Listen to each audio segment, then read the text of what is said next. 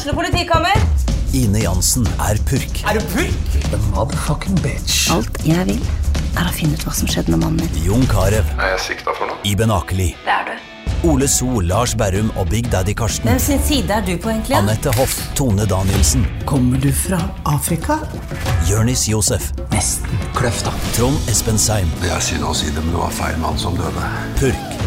Premiere tirsdag på TV2 Play.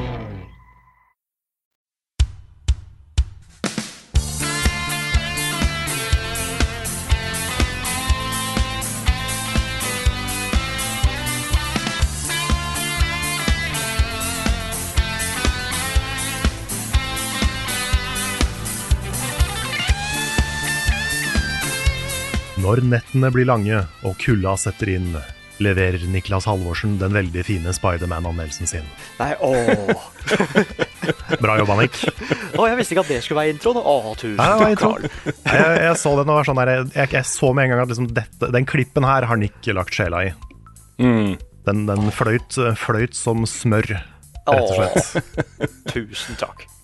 Ja, Det er helt nydelig, Nick. Og det er jo ehm, verdt å vente på, da. Også Grunnen til at den ble utsatt, var jo fordi, fordi vi satt med dette svære svære prosjektet vårt, eh, Kontrollsett.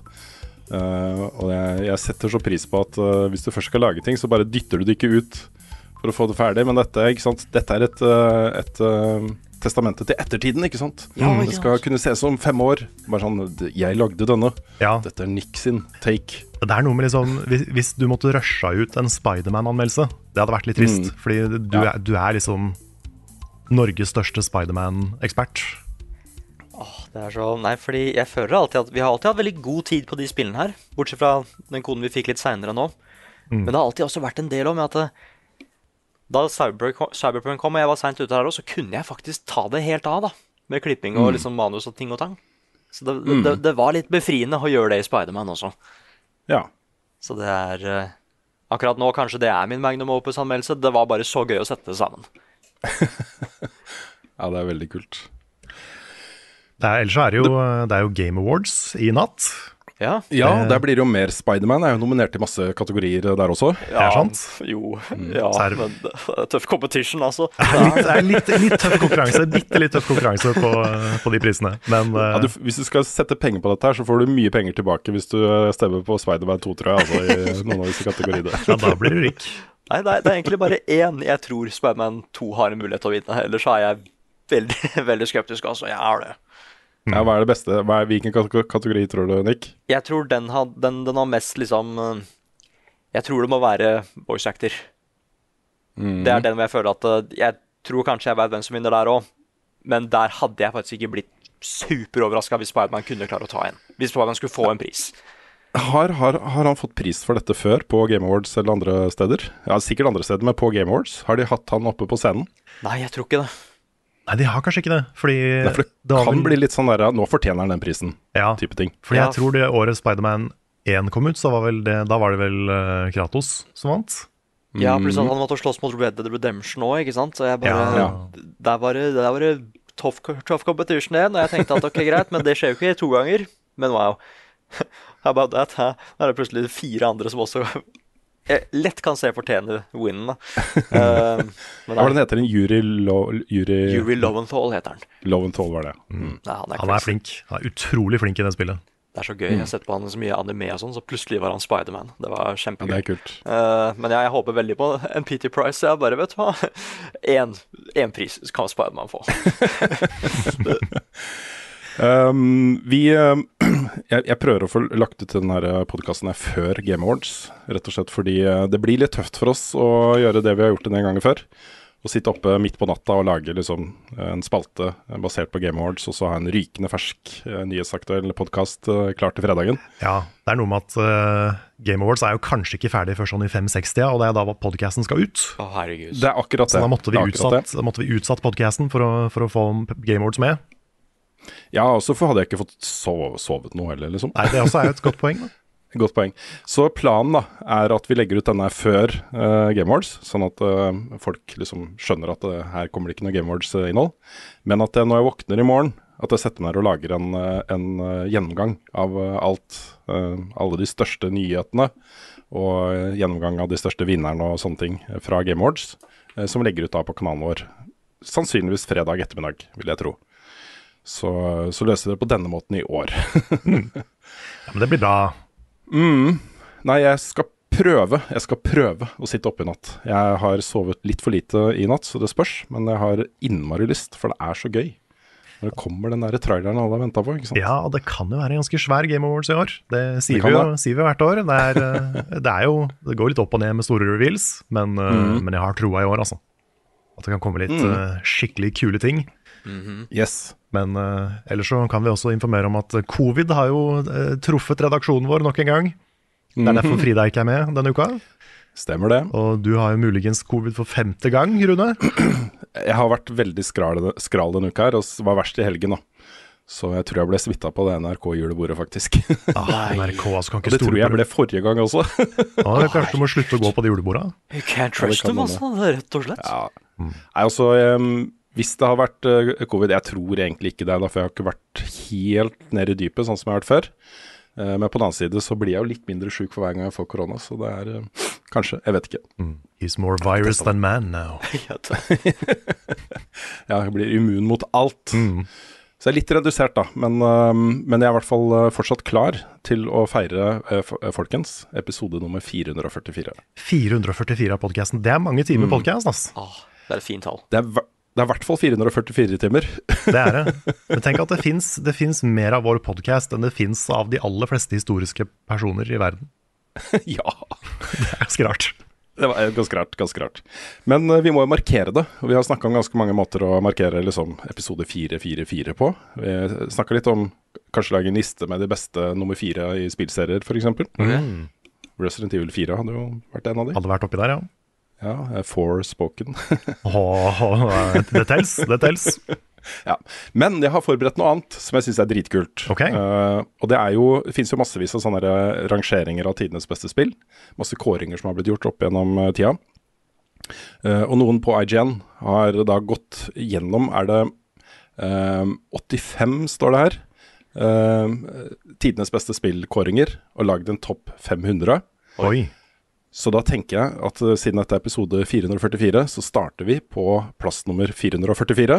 Oi. Der finner du Spec Ops The Line, som ja. vi også er veldig glad i.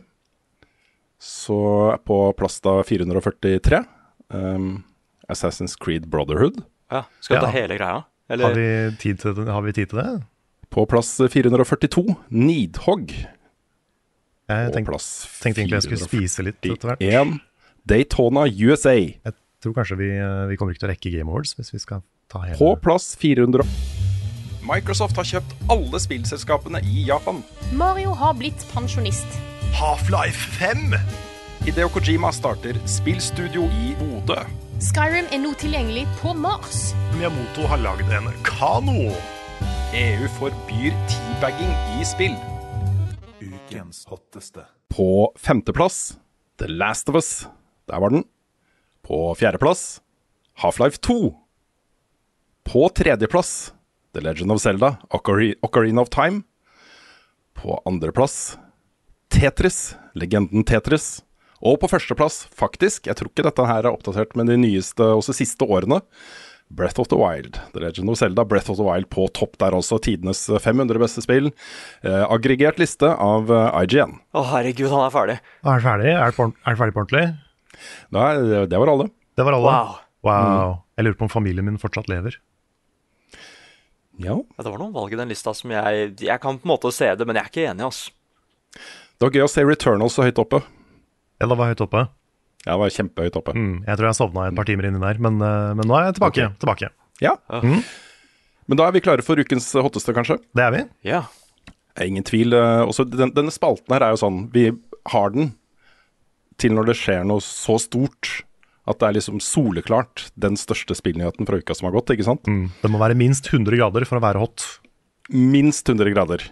Og denne uka så kom det jo da den første ordentlige traileren fra eh, Grand Theft Auto 6. Der var den. Og et tydelig tegn da, på hvor hot dette er, er jo at eh, NRK har lagd ikke bare én eller to, men kanskje opp mot tre-fire saker. Oi. Om bare at det har kommet en trailer for GTA 6. TV 2 har hatt sak, VG har hatt sak. Det er liksom dette er på en måte noe av det største innen underholdning generelt, på en måte. Og så alle vet hvor stort GTA er, da. Hvor stort det historisk sett har vært, og, og sånne ting. Og så er det jo Det er, sykt lenge siden forrige gang. Ja. ja, det er ti år i år. Ja, og det er jo Det forrige kom jo på PlayStation 3 og Xbox 360, liksom. Stemmer det. Eh, men det selger jo fortsatt. Det er jo fortsatt eh, liksom blant de ti mest stolte spillene hvert år, på en måte. Um, og det er jo selvfølgelig pga. GTA Online, først og fremst. da. Eh, dette har på en måte blitt det samme som det Minecraft er, for en litt eldre målgruppe. Hvor det kommer inn en, bare en stadig eh, tilvekst av nye spillere hvert eneste år. Um, og så Man starter på Minecraft, og så går man over til Fortnite, og så hopper man over på da type GTA 5 eh, eller GTA Online etter hvert. Eh, hvor det er jo et kjempe-community. Altså Det er jo så Det er noe helt annet enn singleplayer-opplevelsen.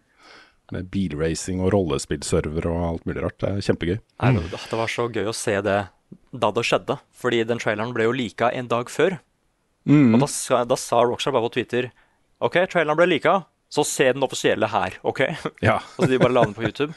Og det var så crazy, fordi i det sekundet jeg så, så den meldingen, så den hadde bare vært der liksom to-tre minutter, så hadde den traileren 70 000 visninger. Og så klippet jeg Spiderman i sånn 30 minutter ish. Og da sto den på 18 millioner visninger, altså. Jesus. Ja, det rund, runda jo 100 millioner første døgnet. Herregud. Det er, det er helt vilt. Det er helt vilt. Det må jo være rekord av et eller annet. Mm. Det ble jo lekka noen eh, sånn rundt ti sekunder av spillet i helgen også, ifølge rykter. da. Eh, Var det sønnen eller eh, datteren til en Rockstar-ansatt som hadde lagt ut på TikTok? Ja, jeg tror, jeg tror det viste seg at det var en kompis av sønnen til Ja. Var det art director eller et eller annet sånt? Men vet du hva, dette er en sånn type greie som jeg er livredd for. da. Det hender jo jeg sitter og spiller ting under NDA her hjemme, Ja. og ungene mine har folk på besøk og sånt. Da går jeg og så sier dere har eh, foto- og filmeforbud fra dette her nå. Dere får ikke lov til å verke snakke om det eller filme dette her. Så jeg oh. prøver å liksom snike meg unna, da. Så det er velkjent problemstilling her hjemme også. Oh, Secret Agent. Ja, for det, det får jo faktiske konsekvenser. Det var jo noen som gjorde det da PlayStation 5 kom. Eh, Mm. Og fikk vel da både PlayStation og alle spillene inndratt av Sony, skjedde ikke det? Eh, Ja, det høres riktig ut. Ja. Det, jeg, det høres, jeg mener å huske at det er noe sånt. Men jeg har jo sånn, hvis jeg sitter og spiller på TV-en i stua også, så er jo den synlig gjennom vinduet, ikke sant. Og hvis ikke det er gjenskinn, da. Og da er det noen vinduer på naboblokkene. Hvis man sitter med telelinse, så kan man filme TV-skjermen, så da er det sånn, da trekker jeg for gardinene. Men hva syns vi da, folkens, om traileren? Den, eh, det jeg sitter mest igjen med, er holy shit så pent det ser ut. Ja. Mm. Og det, jeg forventer jo at GTA 6 skal se pent ut, men at det skal være så pent, det, det tok meg litt på senga. Bare det, det med ansiktsanimasjoner og hår. Altså, menneskene så utrolig bra ut, syns jeg, i den traileren her. Ja, det var jo noen sekvenser der det var sånn eh, Oi, de har klippa inn, eh, inn eh, live action footage. Ja, hun dama med hammerne. Ja, ja, ja, og, og de der klippene fra liksom sosiale medier og, og og TV-sendinger og sånne ting. Men det var jo, det var jo ikke det. det var jo in engine-greier, liksom. Jeg håper i hvert fall at det er in engine. At ikke Ja, de det liksom bare er de en tror jeg de har sagt. Ja, Ok, ok. Ja, det var en stor gjennomgang på Digital Foundry også, hvor de på en måte har studert uh, alle sekvensene. Uh, og det de konkluderte med, var at det eh, etter all sannsynlighet er in engine alt du ser da, i spillet. Basert på eh, bruk av liksom eh, eh, animasjoner og lyssetting og, og sånne ting. Og det de også sa, da, var at her hadde de muligheten til å lage en, en eh, trailer på PC i 4K-oppløsning med alt, av liksom, alt på maks, eh, men valgte å la være. Og så Det er mulig å få bedre, eh, bedre på en del av de tingene, liksom, hvis du bare gjør det. Um, men de roste da, Rockstar for å lage en, en trailer som de opplevde som eh, troverdig på hva man kan forvente seg av, av spillet. Og da er det jo ganske vilt. Det er det. Bare mengden folk også i noen av de scenene. Den, Mm. det der strandshottet hvor det er så mange forskjellige modeller som, har, som Mm. ser veldig forskjellige ut òg. Det syns jeg var kult. Det var eh, Mm, helt enig. varierte kroppstyper og varierte Det var liksom mennesker i alle former og fasonger. Det var eh, stilig. Ja, det er jo på en måte dette som har gjort GTA-serien så stor, tenker jeg da. Eh, For hver gang det har kommet et nytt mainline GTA-spill, fra GTA 3, eh, og så da med 4 og 5, så har de på en måte definert en ny standard for sjangeren, åpen verden. Altså hvor detaljrike og troverdige eh, verdener er det mulig å lage i spill. Jeg tror det er litt derfor disse spillene har den statusen de har. da. Hvor eh, du kommer inn i en så enorm verden hvor det er så mye greier å se på, gjøre og oppdage og finne ut. Uh, hvor de har tatt liksom et stort sprang videre for hver gang. Det er litt den samme greia som Half-Life hadde. Da Half-Life 1 kom, så satt en ny standard. Da Half-Life 2 kom, så satt en ny standard. Mm. Litt den samme uh, som også uh, id Software hadde, med sine engines på 90-tallet. Hvor hver gang det kom ut noe nytt fra de, så tok man på en måte noen skritt videre. Og det er den ene tingen som jeg er litt spent på nå, fordi GTA 6 blir jo lansert da i et, en litt annen verden enn det GTA 5 ble. Mm. Uh, jeg føler at konkurransen om å levere uh, svære, troverdige, kule uh, virtuelle verdener er skarpere nå. Um, og jeg er spent på om jeg klarer å bli liksom like blåst av banen av GTA 6 som jeg ble av GTA 5 på akkurat det. Ja. Jeg, um, jeg er veldig nysgjerrig på Fordi GTA-serien er sånn Den er Jeg har alltid blitt veldig imponert av kvaliteten på spillet. Men det har aldri treffet meg så veldig hardt. Og det handler litt om liksom at det, ikke, det er ikke helt min humor, det er ikke helt min vibe, de spillene. Mm. Og jeg har slitt på en måte med å engasjere meg til å spille gjennom campaigns, fordi historien har ikke engasjert meg så mye og sånn. Mm. Men jeg er utrolig spent på liksom post Red Dead 2 Rockstar. Ja. Fordi det var den første Rockstar-historien som virkelig traff meg. Og jeg Mm. håper at de tar noe av det med seg inn i GTA. da. Det hadde vært dritkult å sette en liksom GTA-historie som faktisk for meg da er mulig å bli ordentlig engasjert i. Så det håper jeg, det, det er på toppen av liksom ønskelista mi, er en ordentlig god historie. Men det har de vel sagt også, eh, at, eh, at der har de endra seg. Og de har jo også vist det. De har jo gått inn i nye utgaver av, av eh, GTA 5. Også sånne Game of the Year editions og den type ting. Så er det jo noen vitser som de har fjerna, rett og slett. Eh, og hvis man går tilbake og spiller eh, historien i GTA 5 i dag, så er det Verden har gått litt videre, altså. Ja, man har det. Eh, det, er ikke, det er ikke like morsomt å bare si homo, og så er det en vits, på en måte. Um, og um, det, litt sånn derre dude bro. Um, veldig mannsjournalistisk humor. Uh, kona til Michael, f.eks., i GTA 5. Den karikaturen av en sånn hysterisk eh, kone som bare bitcher og klager og ligger med yogainstruktøren og, og sånne ting. Det er en del sånne elementer i det spillet som ikke klinger like bra i dag, altså. Ikke at jeg gjorde det den gang heller, for så vidt, men det var på en måte det er et eller annet med de der skylappene som eksisterte hos oss alle sammen, tror jeg, Ja. eh, rundt den type humor. Jeg, jeg får litt sånn der eh, Dette er skrevet av en litt bitter onkel, på en måte, noen av de uh, sekvensene.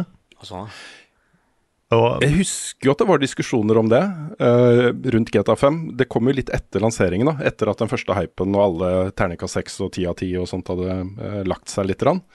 Så var det jo mange som kom ut med kommentarer om at uh, Rockstar hater kvinner. Type diskusjoner, ikke sant. Også kvinnesynet i GTA 5 særlig, da. Var jo under ganske hardt angrep i årene etter utgivelsen av GTA 5. Så, så jeg skjønner den. Um, her er det jo den første også eh, kvinnelige eh, hovedrollen i en G et GTA-spill. Eh, du spiller jo en, en duo, sånn Bonnie and Clyde-duo, som er ute og robber ting. Mm. Litt sånn um, True Romance-style. og um, ja, jeg er kjempespent også. Jeg er enig også i at alle disse tingene løste de og fiksa de, og var de mye, mye bedre på i Red Dead Redemption 2. Mm. Og det er, det er først og fremst det som gjør meg nysgjerrig på GTA 6. Mm. Det er liksom hvem er Rockstar nå? Hva, hvordan løser de et GTA-spill i 2023, da? Eller 2025 Ja. blir det jo, for det kommer jo ikke før 2025.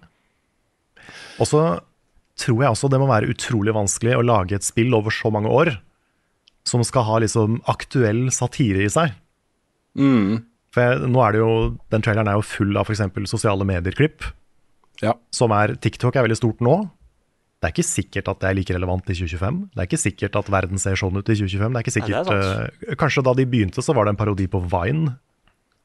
Ja, Kanskje de har jobba- kanskje de har jobba med spillet så lenge. ikke sant? Det, det, Ja. det må være veldig vanskelig. Ja, nei, det er jo um, Den utviklinga starta jo, sier det, et år etter GTA 5. Så de har Ja. jo da, når det kommer ut, så har de holdt på i elleve år med spillet. Da fantes ikke TikTok eller noen ting, Nei, det, liksom. Dette er jo det de ikke trenger å tenke på med Red Dead, altså. Ja, det er, det er helt sant. Eh, det er også et sånn usikkerhetsmoment her som, eh, som eh, jeg er veldig spent på. Både Dan Houser eh, og han husker jeg ikke hva han heter i farta, men han som var med da, som lead writer på både GTA 5 og Red Dead Redemption 2, har jo slutta. De har jo starta også, eh, han, Lead writer starta også i Dan Housers nye selskap. De skal lage nye eh, interaktive underholdningsopplevelser. Eh, det, det første de eh, eh, skal lansere, snakka om denne uka. Jeg tror det var noe sånn graphic novel, interaktiv graphic novel, et eller annet sånt. da. Det var ikke, noe, det var ikke et faktisk spill. da. Uh, og er det, er det flinke nok folk til å ta over liksom, stafettpinnen på historien? Fordi eh, Dan Houser særlig da, har jo vært veldig, veldig, veldig sentral i det å forme eh, narrativet i disse spillene her. Helt- tilbake til GTA 3 og San Andreas, og ikke minst Vice City, da, som jo GTA 6 er en åpenbar callback til, liksom. Um, spent på om de har like flinke folk bak der, og eventuelt hva de ønsker å tilføre da, når de tar over stafettpinnen og liksom Ok, nå er det vi Nå skal, skal vi liksom dra dette i kanskje nye retninger. eh, kanskje finne på noen andre måter å løse ting på. Um, og det er alltid litt sånn spennende. Mm. Ja, det er, eh, det er nok det GTA-spillet jeg har vært mest nysgjerrig på før launch. Det her. Mm. Så det skal eh, Selv om GTA til nå ikke har vært liksom 100 min greie Jeg har spilt mest egentlig de to første, Mm. eh, og litt fem. Men, men her skal jeg være med fra dag én, bare for å få med meg det, det er liksom, Du kan ikke la være å få med deg GTA. Det, det føles som en sånn der event. Ja, det er det. Du er jo fryktelig glad i åpen verden, uh, Nick. Ja. Hva, hva tenker du eh, GTA 6 må gjøre for å overbevise deg?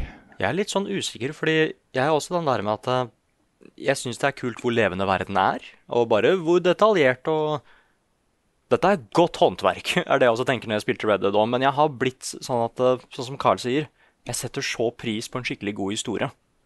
Og jeg, jeg, jeg likte GTA 5 sin, og GTA 4 sin har jeg faktisk begynt å like enda mer i senere tid. Ja, Det er min favoritt. Jeg er veldig glad i den historien. Nei, den er kjempebra. Uh, men jeg må Jeg veit ikke helt hva jeg må se for å bli veldig blown away. Uh, med mindre at verden bare er Ja, sånn som Reddit, da. Kjempelevende. Jeg tenker at dæven, dette spillet er fra fremtiden.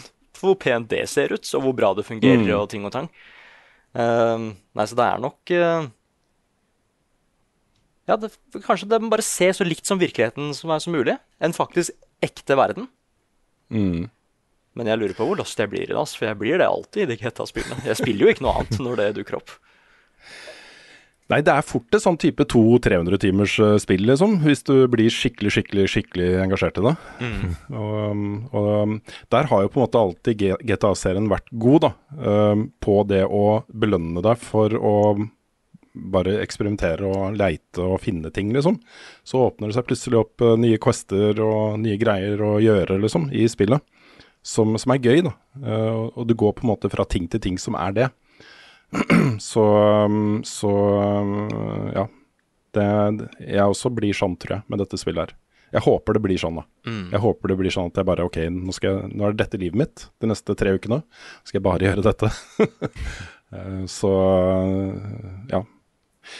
Det er jo også snakka litt om um, om hvorfor det har tatt så lang tid. Og det er eh, dette med utgivelsesdato og sånt. Nå gikk det jo masse rykter om at det skulle lanseres neste år, altså 2024.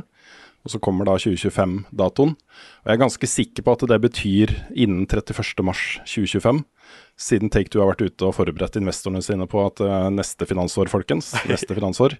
Og finansåret løper jo da fra 1.4 til 31.3, oh, ja. eh, sånn regnskapsmessig. Mm. Så, så helt sikkert eh, blinker de da mot de første tre månedene. Men det er, det er litt eh, eh, Jeg blir litt sånn glad for å se at det ikke har en konkret dato, at det bare står 2025. Fordi det folk snakker om, er jo at det er innført nye arbeidspraksis, ny arbeidspraksis i Rockstar, som jo fikk massiv kritikk etter at da bl.a. Dan Houser var ute og skrøt av at nei, alle, på, alle våre 500 ansatte de har nå 100 timers uker, og de sitter og jobber i helgene og på kvelden og, Ja, ja, ja. for å få da Red Dead Redemption 2 ferdig, ikke sant. Um, Det starta jo Så- en av de store diskusjonene om crunch. Absolutt. absolutt. Og er det et selskap som har råd til å bare ta den tiden de trenger, så er det jo Rockstar. Så det eneste som kan på en måte presse fram en for tidlig utgivelsesdato og en usunn arbeidskultur, er jo eh, eierne og aksje, aksjeeierne og investorer og den type ting, som bare krever det. ikke sant? Eh, at nei, dere må være ute til den datoen. Um, og hvis eh, Rockstar er bare sterke nok til å stå imot det, så også de eh, Det anslås da at de har tjent Rockstar har tjent 8 milliarder dollar. 8 milliarder dollar på GTA 5. Det er, nest, det er nesten 90 milliarder kroner da, eh, på ti år. Altså det, er, det er eh, 10 milliarder kroner i året. du kan ansette en del folk på det, Du kan, de kan det, altså. jobbe, jobbe ganske lenge med et spill uh, for de pengene der. Så, så jeg håper da at eh, det at de ikke pusher en utgivelsesdato, betyr at eh, vi kan spille disse spillene med litt bedre samvittighet. Det var litt sånn en bitter bismak å vite at ja, dette er verdens tidenes mest troverdige eh, spillverden i Red Dead Redemption 2. Bare vite at den er skapt da på ryggen til, eh, til eh, eh, dritslitne, overarbeida, eh, ulykkelige Ja. spillutviklere. ikke sant? Folk har liksom blødd for at jeg skal spille det her. Nettopp. Både fysisk og mentalt, holdt på å si. Oh. Mm. Men, øhm, men jeg, er også, jeg er også veldig spent på settingen, da. Fordi dette er jo Florida. Altså Ja. ikke faktisk Florida, men veldig eh, tungt basert på Florida. Og Florida har jo et sånt rykte på seg. Uh, at liksom, hvis du, hvis du vil finne de sjukeste overskriftene som noen gang har blitt skrevet i aviser, så bare søk på Florida Man. Ja, ja, ja. Så kommer liksom alt, alt, alt det gærneste i verden skjer i Florida, liksom. Så det er en god setting, sånn sett.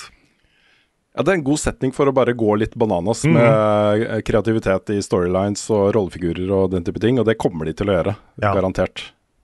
Så um, uh, ja, nei, det, det er en veldig god setting. Det er jo mange som mener Vice City er det beste, beste GTA-spillet. Uh, det, er- det har sin egen leir. Jeg føler at, uh, at alle utgivelsene av GTA, nesten alle, da, i hvert fall San Andreas, GTA 3, 4 og 5, har hver sin camp da, med folk som foretrekker det ikke sant, foran de andre. Men Vice City er høyt elska, altså. Så ja. Vi vet jo ikke så mye mer enn det vi har sett i traileren foreløpig. Um, og jeg tipper at uh, de kommer til å gjøre det samme som de gjorde med GTA 5. Nå slapp de denne traileren, og så kommer det liksom trailer 2 uh, til sommeren kanskje, eller noe sånt. Og så kommer det en trailer 3 uh, rundt kanskje Game Awards da, neste år, neste, om et år cirka. Ja, du tror ikke Også vi får en, se noe mer i natt? Jeg tror ikke det. Nei?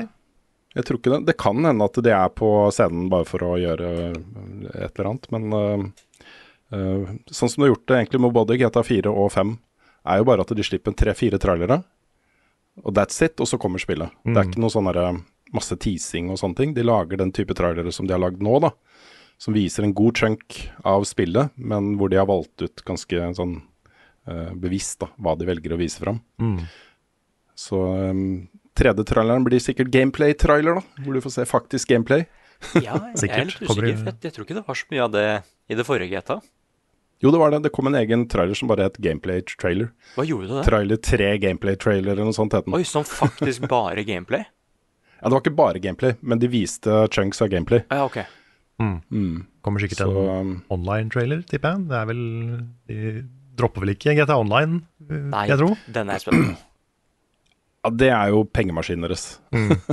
det er derfor den har tjent 8 milliarder dollar på, på ti år. Det, selv om også det, det, det er jo tidenes nest mest solgte spill også. 190 millioner eksemplarer. Det er med Minecraft som har solgt mer. og så er det jo noen spill som har eh, flere nedlastinger, også type gratisspill på mobil og den type ting. Men sånn fysisk, også salg av spill, digitalt eller fysisk, så er det tidenes nest mest solgte. Du kan jo gange da 190 med 500-600 kroner. Så um, 190 millioner med 500-600 kroner, det blir en del penger. Det var det. Og hvis uh, sekseren skal være dyrere også, så kan jo det, da kan det bli ekstremt mye penger. Mm. Jeg er spent, ass. Jeg, jeg lurer på hva den neste horse testicle-greia er i GTA 6. Ja, kanskje du, du, kan se, du kan se blodårene på peniser i spillet. Wow. Mm. Kanskje det er krokodilleballer. Ah. Kanskje det. Det kan hende. Eller er- nipples hvis det er ekstra kaldt. Ja, nipples som blir hardere i kulda, ja. Ja. Eller faktiske Åh. baller, altså. Det, det kan hende, det òg. ja ba baller som krymper i kulda. Ja, det har de kanskje gjort. Ja, på ekte. Ekte baller, liksom. Ikke hesteballer, men Ja, sånn at, det, at det også er the man balls, ja. Ja, ja, ja. Det kan Ja, hende. Nei, jeg vil, fordi det, det er noen sånne greier uh, i det forrige GTA. Bare herregud, the flip-flops actually flip-flops når de går og sånn. Det er sånne småting som det som er litt mind-blowing. Jeg vil ha sånne, sånne ting som det er alltid kult. Men igjen, jeg tenker på de stakkarene som må lage det og sånn, da. Men de har litt fokus på sånne ting. Sånn, det er jo ingen spill hvor det er nødvendig at du ser Arthur Morgan gå og plukke opp en rot og dra den opp fra bakken for å legge den i lomma. Men Rockstar gjør det. Nei, og, Ja. og bare, jeg, jeg, husker jeg ble helt satt ut med at hvis du kasta et lik du kaster et lik på vannet, så flyter det. Men hvis du skyter den, så begynner det å synke. Oi. Blir fylt opp med vann, ikke sant? Ha. Ja, det er noe helt crazy. Du tenkte på det, ja?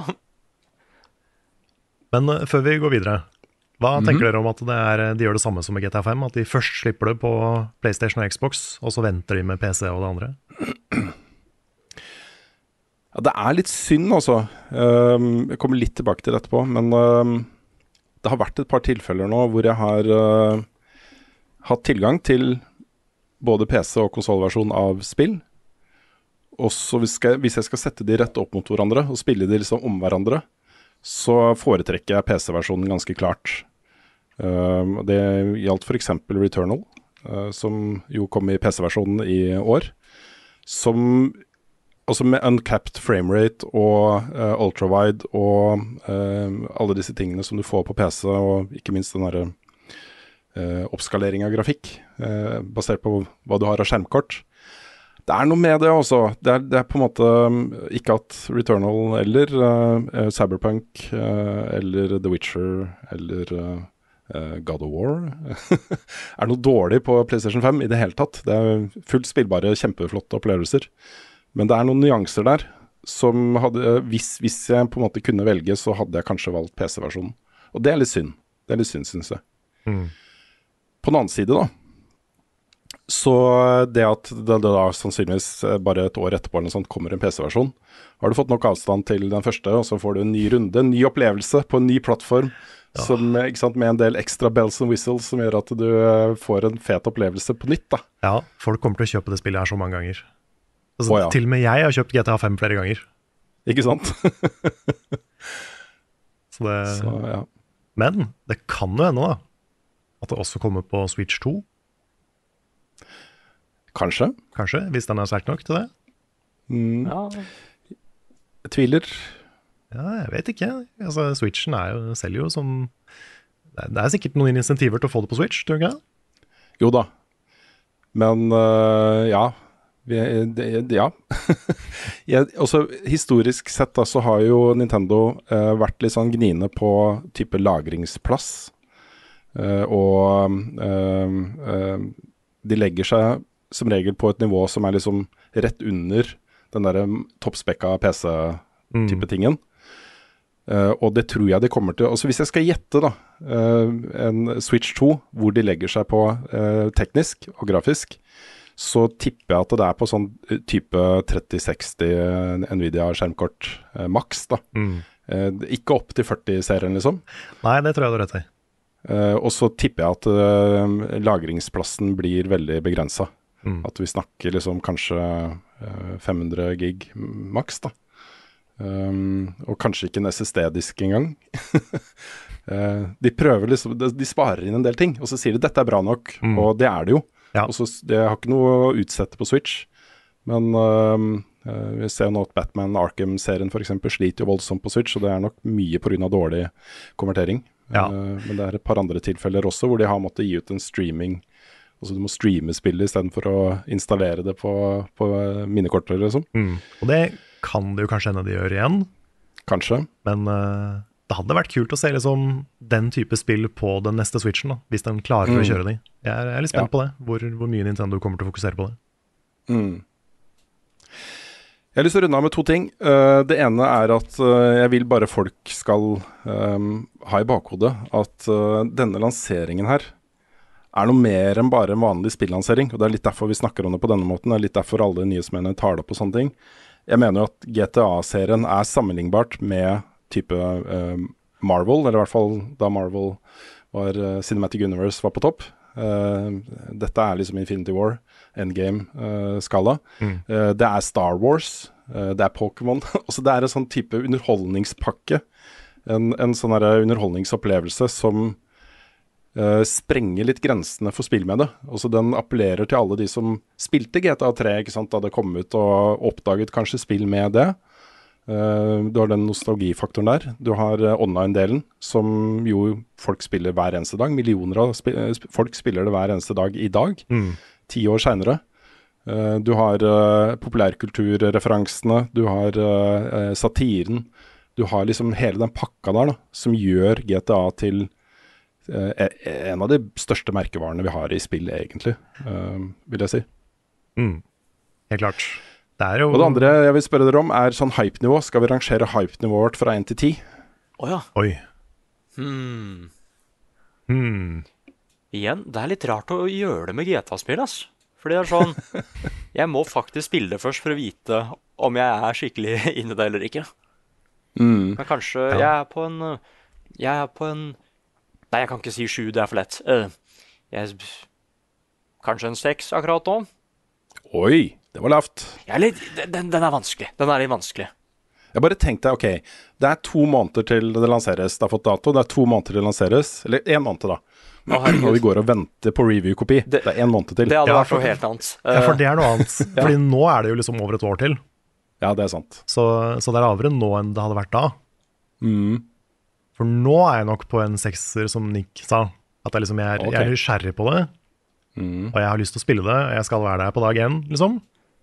Men jeg går ikke og, jeg går ikke og kribler i magen ennå. Nei. Men når det er noen uker igjen, så kommer jeg sikkert til å gjøre det. Ja, Hadde det vært sånn én-to måneder igjen, så hadde jeg begynt å telle dagene sånn skikkelig. Jeg, det er et spill jeg Det kommer veldig an på hvem som skal anmelde det, så klart, men får, alle, får vi alle tidlig kode på det, så setter jeg av hele dagen og dagen etterpå til bare spillere. det. Jeg gleder meg kjempemye til den dagen. Mm. Men, eh, men det er sånn at jeg, jeg må bare jeg må, jeg må se det virkelig i aksjon først, da. Jeg er sånn Jeg har jo Red Dead Redemption 2 ligger sjukt høyt på min all time-liste. Ja, vi hørte det. Uh, ja. uh, men på min også, min personlige. Ja. Og jeg, jeg, hypenivået mitt er høyt også. Jeg ble veldig glad for å se det 2025-tallet der. Eh, Bare sånn at ok, det, det, det, neste år Det er andre ting som kommer neste år som jeg også gleder meg sjukt mye til. Uh, Det får kanskje litt mer pusterom hvis det kommer da litt seinere. Men uh, hypenivået mitt er ganske høyt, altså. Eh, I hvert fall på 8-9. Um, Oh, nice. og så er jeg bare veldig, veldig veldig spent på om de eh, lander det. Mm. Jeg, jeg syns liksom Jeg ble såpass overbevist av traileren. Den var så selvsikker uh, og godt satt sammen og viste så mye forskjellig da, fra den verden her, at jeg tenk, tenker de har kontroll på dette her. Også. Og hvis de har kontroll på det, så sitter jo noen av verdens beste utviklere i det studio. Eh, og skal konstruere en ny eh, virtuell verden for meg, som jeg kan utforske og kose meg i. Og det er et eller annet med det som gjør nok at jeg kommer til å dagdrømme litt om det spillet her, altså. De neste halvannet året. Mm. Så jeg er sj- sjukt spent. Nei, jeg ser det. Kanskje det er pga. settingen også. At jeg bare Vi får jo bare noe som skal eh, matche Eller en parodi, men samtidig matche virkeligheten så mye som mulig. Så hvis det hadde vært en helt annen setting eller en annen tidsperiode, så hadde det kanskje vært noe annet. Men det er vel bare Ja, nå får vi en sånn svær eh, GTA Nå får vi en svær GTA 5-greie, bare et annet sted. Med helt ny, helt ny grafikk og he, Ja, et enda bedre teknisk spill, da. Mm. Nei, så jeg, jeg må må bare se det i aksjon. Har dere noen drømmelocations for et GTA-spill? Oi. Noe sånn som ikke, som ikke de har gjort ennå, liksom? Altså, jeg vil jo se Oslo én gang. Eller sånn. GTA Oslo, ja. Ja. Ja. Og at liksom, liksom, veien til Oslo og Drammen er mye kortere. At det er liksom forkorta ned litt. At du kan reise til forskjellige steder. Men ja, hva skulle det vært? Da Kan vi ta tidsperioder og sånn nå, da? Eller må det være settinger i nåtida? Det hadde vært litt kult om ikke det var nåtida.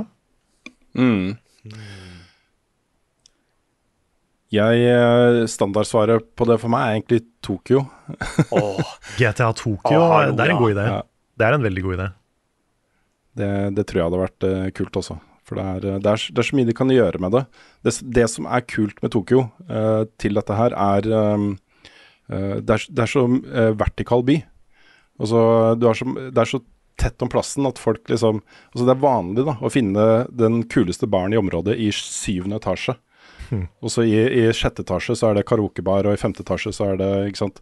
Også det er så mye layers, lag. Det er så mange lag i Tokyo.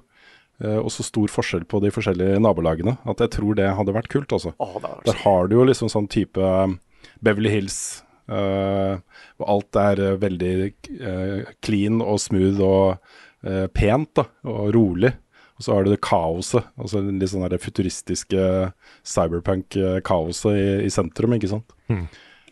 Så har du disse her veldig historiske stedene med svære templer, og alt er rolig. og det er en perfekt by for en sånn type opplevelse. Ah, de kunne jo... Så kan du reise til Mount Fiji, ikke sant? det kan være en lokasjon. Du, kan se, den, se, Mount Fiji fra Tokyo. Ja, de kunne jo på en måte nesten ha Det er, det er ønskedrøm, det òg, men lagd på en måte øya.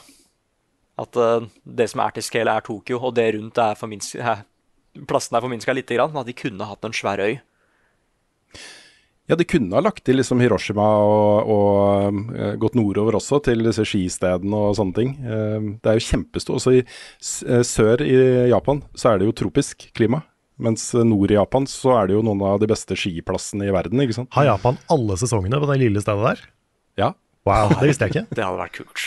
Det er litt OP, mm. at de har alt det på den lille plassen. Å, oh, shit, dette er en ja, kongesetting. Altså, ja, det er det, altså. Det er det. Å, jeg skulle si noe kjedelig, jeg vet, men nå kan jeg ikke jeg holdt på å si GTA Netherlands! Det kunne vært noe morsomt. ja. ja, men det, det hadde vært litt morsomt hvis de bare valgte liksom Altså, nå er ikke Nederland et anonymt land, det er mye, mye spennende som skjer i Nederland. Mm. Men liksom, at de hadde valgt noe som ikke var sånn det største av det største, da. Ja, ja, for jeg, mm. fordi jeg, Det er derfor jeg blir så investert i Fargo og sånn òg. Bare noen sånne type spill som det der i sånne settinger. Ja. Mm. GTA Helsinki. GTA Aserbajdsjan. Ja. Det er bare et GTA-spill hvor hovedsesongen bare er vinter. Det kunne vært eh, Det er noen kule ting der. Ja, jeg vet ikke. Det er, jeg tror det er eh, et par-tre millioner eh, Red Dead Redemption 2-fans som var veldig glad for å komme seg ned fra den Vinterfjellet i starten av Red Dead Redemption 2, mm. Nick. Ja, men, da, men, i, men, hvis det er present time, så har du, du har ski og sånn, ikke sant. Det, det er, ja. er noe annet. Ja, du kan, du kan bare spåne et snowboard overalt. mm. Nei, men uh, dette her blir fett, altså. Uh, hvis du, jeg bare plugger at uh, hvis du har lyst, meg, lyst, til å høre meg snakke mer om det, så skal jeg på NRK helge... Helgemorgen? Helgemorgen, tror jeg det heter. Det er sånn, går både på P2 og NRK2, tror jeg. Um, på, nå på lørdag, for å snakke om det. Og det er i ti minutter eller noe sånt. Så det blir gøy å få nerda litt ut om, om GTA også på Statskanalen. Ja, ja, ja. Det må til. Tetris. Skyrim. Destiny 2. The Sims. Edderkoppkabal. Destiny 2. Animal Crossing. Pokémon Cola eller Pokémon Pepsi. Destiny 2. Guitar Hero. Kingdom Hearts Bohemian Boogaloo. Destiny 2. Level Ups spilleliste. Det er Rune som skal få lov å begynne i dag, for du har spilt det hotteste og nyeste av oss alle. Stemmer det. Jeg har eh, spilt uh, bare et par timer, da. Uh, men jeg har spilt Avatar, Frontiers of Pandora. Mm. og det har vært litt sånn behind the scenes, da. litt sånn dialog mellom Audun i gamer og meg fram og tilbake. Har du fått det? Har jeg fått det? Er det noen som har fått det? Og det kom veldig seint, den koden her. og derfor så ser du også det er en del medier som har sånn review in progress-type greie, som ikke har kommet seg gjennom og som ikke er klart å gi score ennå. Men embargoen var jo da i dag, torsdag, og vi fikk det vel på ettermiddagen på onsdag, tror jeg. Jeg tror det var i går. Ja, det, det tror jeg stemmer. Det var i hvert fall Når var det ga deg beskjed, Carl? Var det i går? På onsdag? Ja, var ikke det i går, da? Nei, husker jeg ikke om det, det kan ha vært tirsdag kveld. Kan det være tirsdag kveld. Det kan ha vært tirsdag kveld. Ja. Men i hvert fall for tidlig, da. Uh, eller for tett på embargo til å kunne mene noe. Mm. Uh, og da må jeg jo si også dessverre at, uh, at uh, det blir for knapp tid for meg. Jeg rekker ikke å, å, spille det og anmelde det for NRK. Så um, ja, men det blir anmeldelse da på, på Level Up-kanalen vår. Andreas Viking er i gang. Han er i gang, han har fått kode. Ja, han er veldig kjapp, så jeg tror ikke det går så lang tid. Nei, han er effektiv, han. Mm. Men uh, dette her er jo et spill som uh, jo da tar utgangspunkt i filmuniverset Avatar. Eh, på planeten Pandora. Ja, altså ikke The Last Airbender, men den andre Avatar. Eh, Nettopp, nettopp, nettopp. Eh, og dette her er jo en, en historie og en setting som har liksom utrolig tydelige, nesten litt sånn overtydelige paralleller til, paralleller til vår verden. Eh, dette er en verden hvor menneskeheten kommer da, til Pandora. Det er et paradis hvor det bor jo, en, bor jo folk der. Som det, det er jo deres planet, men hvor da menneskene kommer inn med sine eh, overlegne teknologi og begynner å utvinne ressurser og, og drive med sånne eh, assimilering av lokalbefolkningen og, eh, og, og sånne ting. da, Hvor eh, de blir på en måte overherrene på dette her. Ja. Så både en sånn derre eh, historie som man kjenner igjen fra hvordan da eh, Vesten har behandlet urbefolkningen rundt omkring i verden, overalt hvor det har kommet på vår jordklode, eh, men også da eh, klimautfordringer og, og det å ødelegge naturen og, og den type ting. Mm. Det var jo mange som sa da den første Avatar kom, at dette er jo på en måte bare Pocahontas. Og, Ikke sant? og det, er, det er jo et poeng at det er jo den samme historien. Jeg ser det veldig mye. Altså, jeg gjør det. Absolutt et poeng. Men det er jo en historie som trengs å formidles, da. Eh, og det fins jo mange eksempler på at, at kunsten, altså kulturen, eh, lager fiksjon eh, som har liksom såpass klare eh, linker til reelle utfordringer i vår egen verden at folk nesten, det blir lettere for folk å forholde seg til det. eh, og til å liksom åpne opp øynene og få et nytt syn på ting fordi det fortelles på den måten det gjør. da. Ja. Eh, og Det syns jeg Avatar lykkes veldig godt med. Eh, og det gjelder også spillet, fordi det første som er viktig å si om det spillet, er at det er helt ufattelig pent å se på. Og så Pandora som verden. Det, det er et paradis, liksom. Og det har de naila i det spillet her. Det ser altså så flott og vakkert ut, og du får altså så sympati da, med Nahvi, som, som er jo de som bor der, det folket som bor der. Um, og hvordan de lever i pakt med denne naturen og, og den type ting. Og den kontrasten da, til maskinene våre, til menneskeheten som kommer inn, og hvor uh, uh, rasistiske de er overfor uh, uh, Navi-befolkningen og sånne ting. Det, det er veldig bra i dette spillet også. Uh, og Det starter jo da med at du styrer en, uh, en ung mannlig eller kvinnelig Navi eh, som er en del av en sånn eh, assimileringsklasse. Du, er, du har aldri kjent Du har blitt revet bort fra stammen din, plassert inn i et sånn militærinstallasjon uh, for å på en måte bli eh, en del da, av menneskehetens eh, eh, planer for Pandora. Oh ja, så du er en faktisk Navi, og ikke en Du avatar? er en faktisk Navi. Ja, okay. Ok, Så du er ikke et menneske som har, tatt, som har overtatt en Navi-kropp? Ja, fordi Nei. Ja, okay, For, Læreren din er det. Okay. Ja. Læreren din er en, en uh, avatar. Um, og så Greia der er jo at mennesker, for å da liksom tilpasse seg dette her, så har de utviklet en teknologi hvor du kan på en måte ta en, en Navi-form, uh, men du er fortsatt menneske. Eh, og læreren du møter her da i starten, er, er jo det. Mens alle elevene i klassen er faktiske barn da, som har blitt røvet bort fra stammen sin og plassert inn i denne installasjonen her for å bli uh, en del av på en måte menneske, menneskenes uh, aksjon da, på Pandora. oi. er noen, noen paralleller der, ja. Det er noen paralleller der, uten tvil. Uh, uigurene i Kina f.eks., som er sånne interneringsleire og, og sånne ting. Um, og det syns jeg er kjempeinteressant. Du vet jo ikke helt hvilken person det er foreløpig, men det er jo folk rundt deg. da. Eh, du har et, et et, søsken der, eh, og venner, da. Eh, noen er veldig sånn Har fortsatt minner om hvor de kom fra. Andre er mer sånn eh, allerede assimilert, på en måte. De er allerede hjernevaska til å være en del av dette her. Eh, så får du da etter åpningssekvensen muligheten til å eh, lage din egen Navi.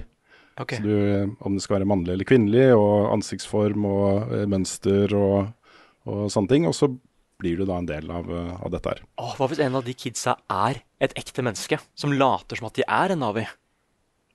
Ja, ja, han er en uh, imposter. Everyone can be human. Ja, det er sant, det. um, så ja, først og fremst, da.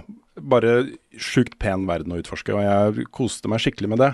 Det, det er kjempegøy å utforske den verden her. Um, men så, da, er det jo ikke så vanskelig å se eh, linkene til eh, Vi snakka litt om det før podkast også, men Far Cry kanskje særlig. da.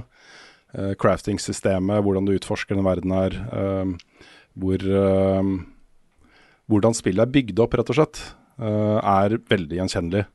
Og nå har jeg bare spilt et par timer, og jeg vet jo at det kommer ting seinere som åpner opp den verden her. F.eks. at du får en mount som du kan fly med, uh, som kanskje endrer oppfatningen litt. grann.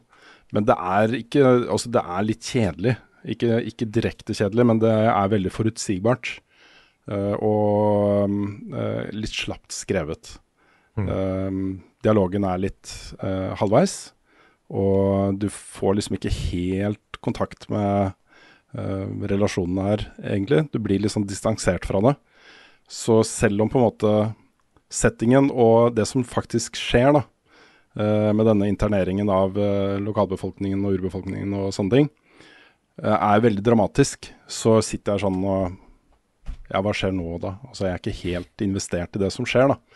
Og det er en kjempeutfordring for et sånn type spill for meg, da. Særlig fordi dette er noe flere spill i åpen verden-sjangeren har naila. Hvor du har virkelig Du blir så engasjert og investert i opplevelsen at, øh, at øh, uh, helhetsinntrykket løftes, da.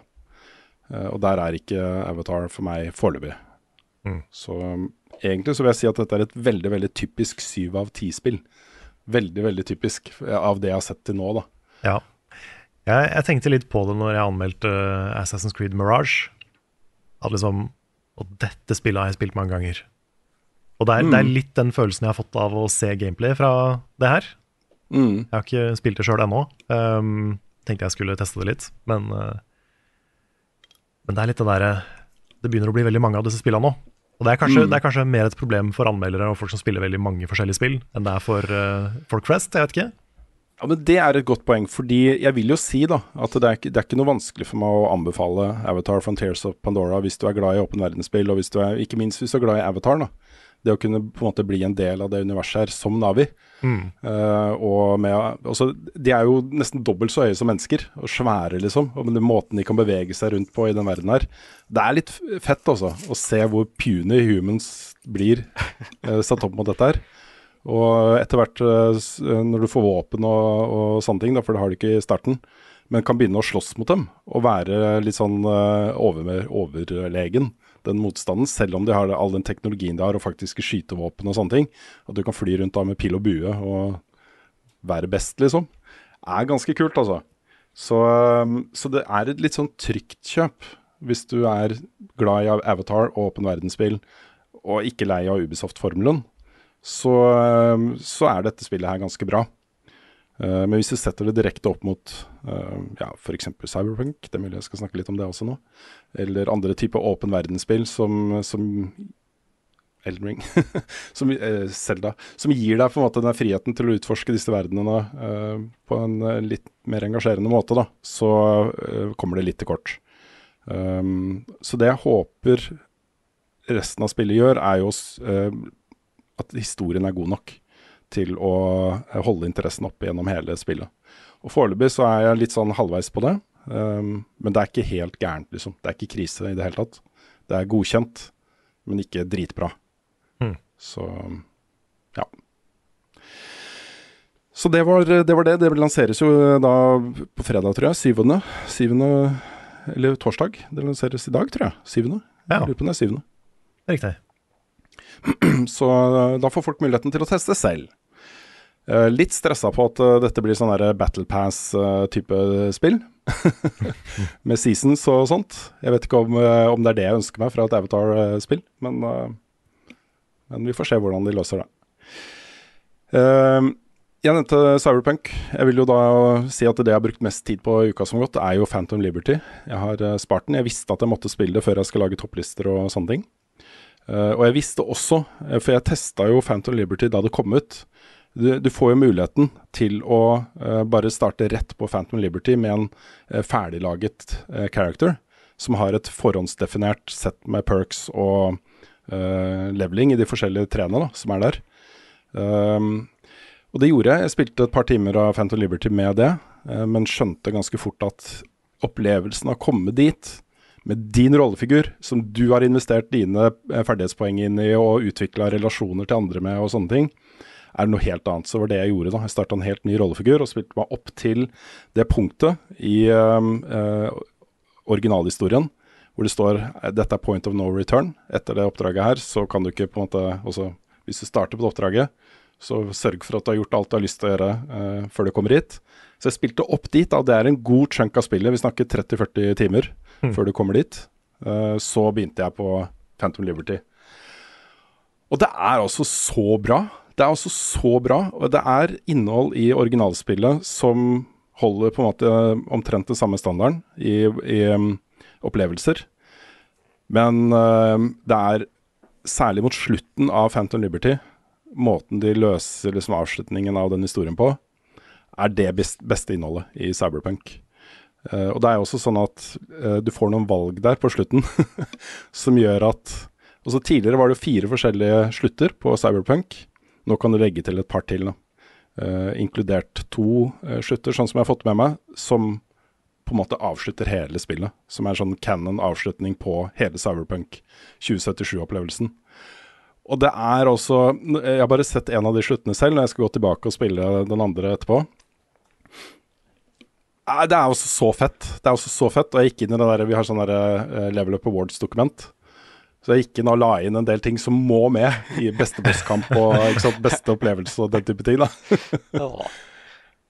det er helt vilt, altså. Uh, vi snakka om det før, men du har også spilt Phantom Liberty, uh, Nick, og fått en av de sluttene. Det er vanskelig å si hva slags slutter det er, fordi det spoiler så mye. Både av starten på opplevelsen og hele, hele historien. Mm, men um, Nei, det er ja. helt konge, ass. Det er um, det, det, var så gøy òg, fordi det er jo ikke et helt nytt spill. Men det føles så mye ut som det, altså, med måten de har forandra det nye leveling-systemet og bare det, Den siste patchen kommer jo nå. Den ja, siste svære patchen som hele spillet skal få. Mm. Så det er så ferdig som det kan bli nå, da. Og jeg tenker at det bare, vet du hva, skal jeg bare starte enda en karakter nå, hæ? For å få med alt det og Liberty en gang til. Nei, jeg ble jeg, jeg har blitt skikkelig blown away. Det har gjort det veldig vanskelig for meg å vite om jeg skal ha det på topplista. Fordi det er litt sånn Det er jo en grunn til at jeg ikke har, har World of Warcraft Expansion Packs på topplista. Fordi et hovedspill mm. jeg har allerede blitt lansert. Men jeg bare Jeg kom så inn i det igjen med den uh, deal-scene her. Nei, med den expansion packen her. Og jeg, uh, nei, jeg liker det kjempegodt. Jeg gleder meg til å liksom sette i gang en ny playthrough og bare spille på en helt annen måte. Og gjøre det andre valg i historien og sånn. Mm. Mm. Ja, for det er det, er det som, som, er litt, nesten litt sånn sjokkerende bra gjort her. Er at de valgene du må ta i dette spillet her, har ikke, også dramatisk innvirkning på hvordan spillet avsluttes og hva slags retning historien tar. da. Uh, og det kan være alt fra at du feiler i et av de romancing-questene f.eks., og ikke får muligheten til å ha deg da med, eller bli kjæreste med uh, en av de du har blitt glad i gjennom spillet, ikke sant?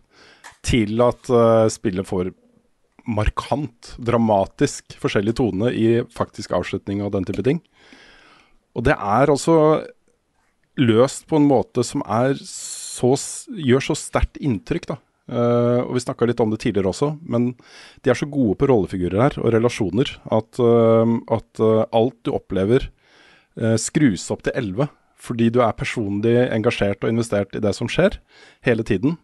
og det er de mesterlige på, altså. Um, det, det, jeg sitter sånn framoverlent og spiller når det kommer til de mest dramatiske hendelsene i, i Phantom Liberty også, og er helt, helt til stede. Og jeg er enig med deg, Nick. Hvis dette spillet har blitt lansert i den standen det er i nå, så hadde folk snakka om det på en helt annen måte. Jeg er helt sikker på, Det, er, det sitter massevis av folk som fortsatt er veldig veldig sure, av god grunn, da, mm. for den lanseringen det hadde. ikke sant? Uh, og som ikke vil røre i Cyberpunk 2077 med ildtang. Uh, men det har jo fortsatt Det har solgt 25 millioner eksemplarer. Mange av de kopiene er folk som uh, har prøvd å starte, ikke fått det til. og hvis du er en av de, så gi det en ny sjanse, altså. Det, jeg er nesten helt sikker på at du kommer til å få en helt makeløs opplevelse av det spillet her. Det er et av tidenes beste spill, syns jeg også. Jeg er så, jeg er så sykt misunnelig på Carl. Ja. ja. for du skal gjøre det, liksom. Ja, du, får den, du, får den, opplevelsen for første gang. Jeg har jo ikke spilt Cyberpunk ennå, men jeg har jo skjønt på, på, dere to og på Svens at uh, dette her må jeg, må jeg, få med meg. Mm. Så det kan, kan være det blir et julespill i år, altså. Ja, det, det bør det gjøre, Karl. Jeg tror jeg er helt sikker på at du kommer til å like det. Mm. Jeg har jo sett eh, Svens fly rundt og være eh, Iron Fist-bild i det spillet, og det ser jo gøy ut. Mm. Og bare kaste Altså, folk på andre folk. Ja, for det, det, det har jeg lyst til å stoppe litt opp med. Fordi jeg husket da jeg satt og lagde en ny karakter, så hadde jeg egentlig tenkt å lage en Shinobi-bild, som er bruk av katanaer og mantis blades og uh, masse sånn cloaking og stealth og sånne ting. Eller en uh, sånn derre Gorilla Arms uh, Svens-bild.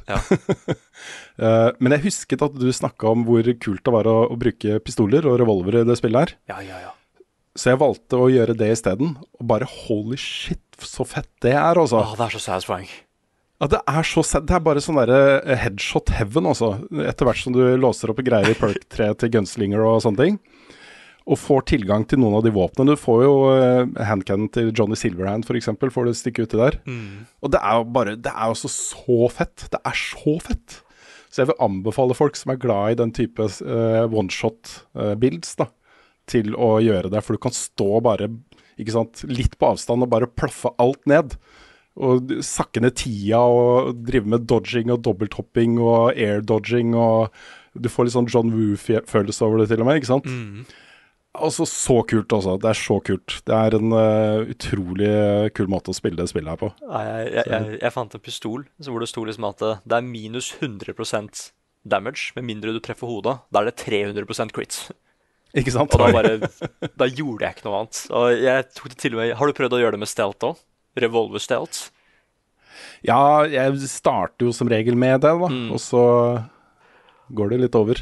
Jeg liker ikke å ha på silencer på handcannons, for det er uh, Når du sier pff istedenfor pow, så blir jeg litt sånn Det er, det er ikke like gøy. Nei, nei, ja, du må ha en som smeller skikkelig òg, men det er veldig gøy å ha en silencer òg.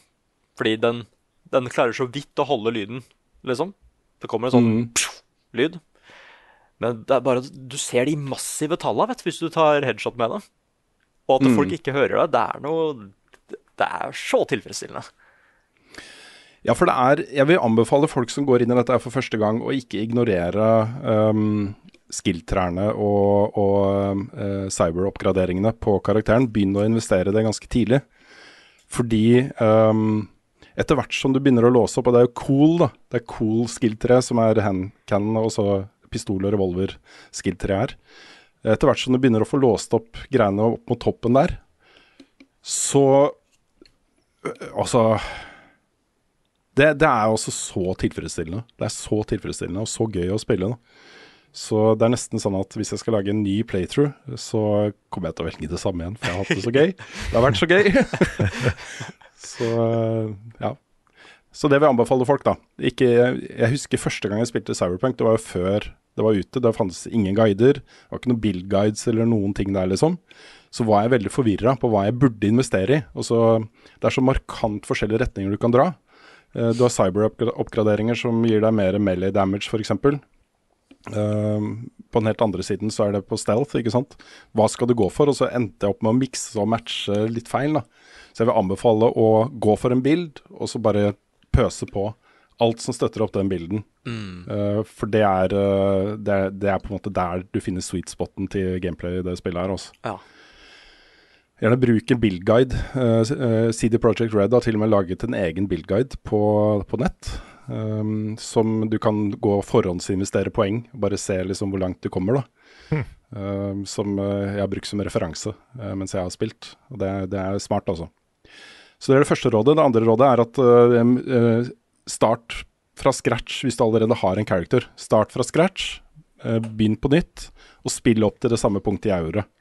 Du kommer til det punktet hvor det står nå må du gjøre alt, liksom. Uh, gjør ferdig re- relasjonquesten. Bli kjæreste med den du har lyst til å bli kjæreste med. Og så begynn på Phantom Liberty da. Er, uh, du har muligheten til å starte det mye tidligere, men uh, jeg tror det er den beste måten å oppleve Phantom Liberty på. Så hvis du har muligheten til det, så vil jeg anbefale å gjøre det også. Og ikke ignorer uh, gigs og sidequests, uh, folkens.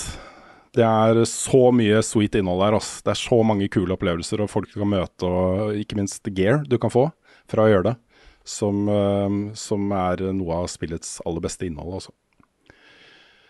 Så um, ja, jeg vet ikke. Jeg er litt sånn der du er, Nick, på hvor, uh, hvor og hvor, om det skal havne på en topp ti-liste. Hva skal jeg gjøre med delelse? Men jeg lener nok mot å plassere det der, altså. Uh, og det er rett og slett fordi også ifølge How Long To Beat og egen erfaring, så står det på How Long To Beat så står det eh, 13 timer for bare main story på Phantom Liberty. Det står 20 pluss på main pluss extras. og også ting du ramler over på veien, da. Og så ikke Du er på vei et sted, og der er, kom det et eller annet.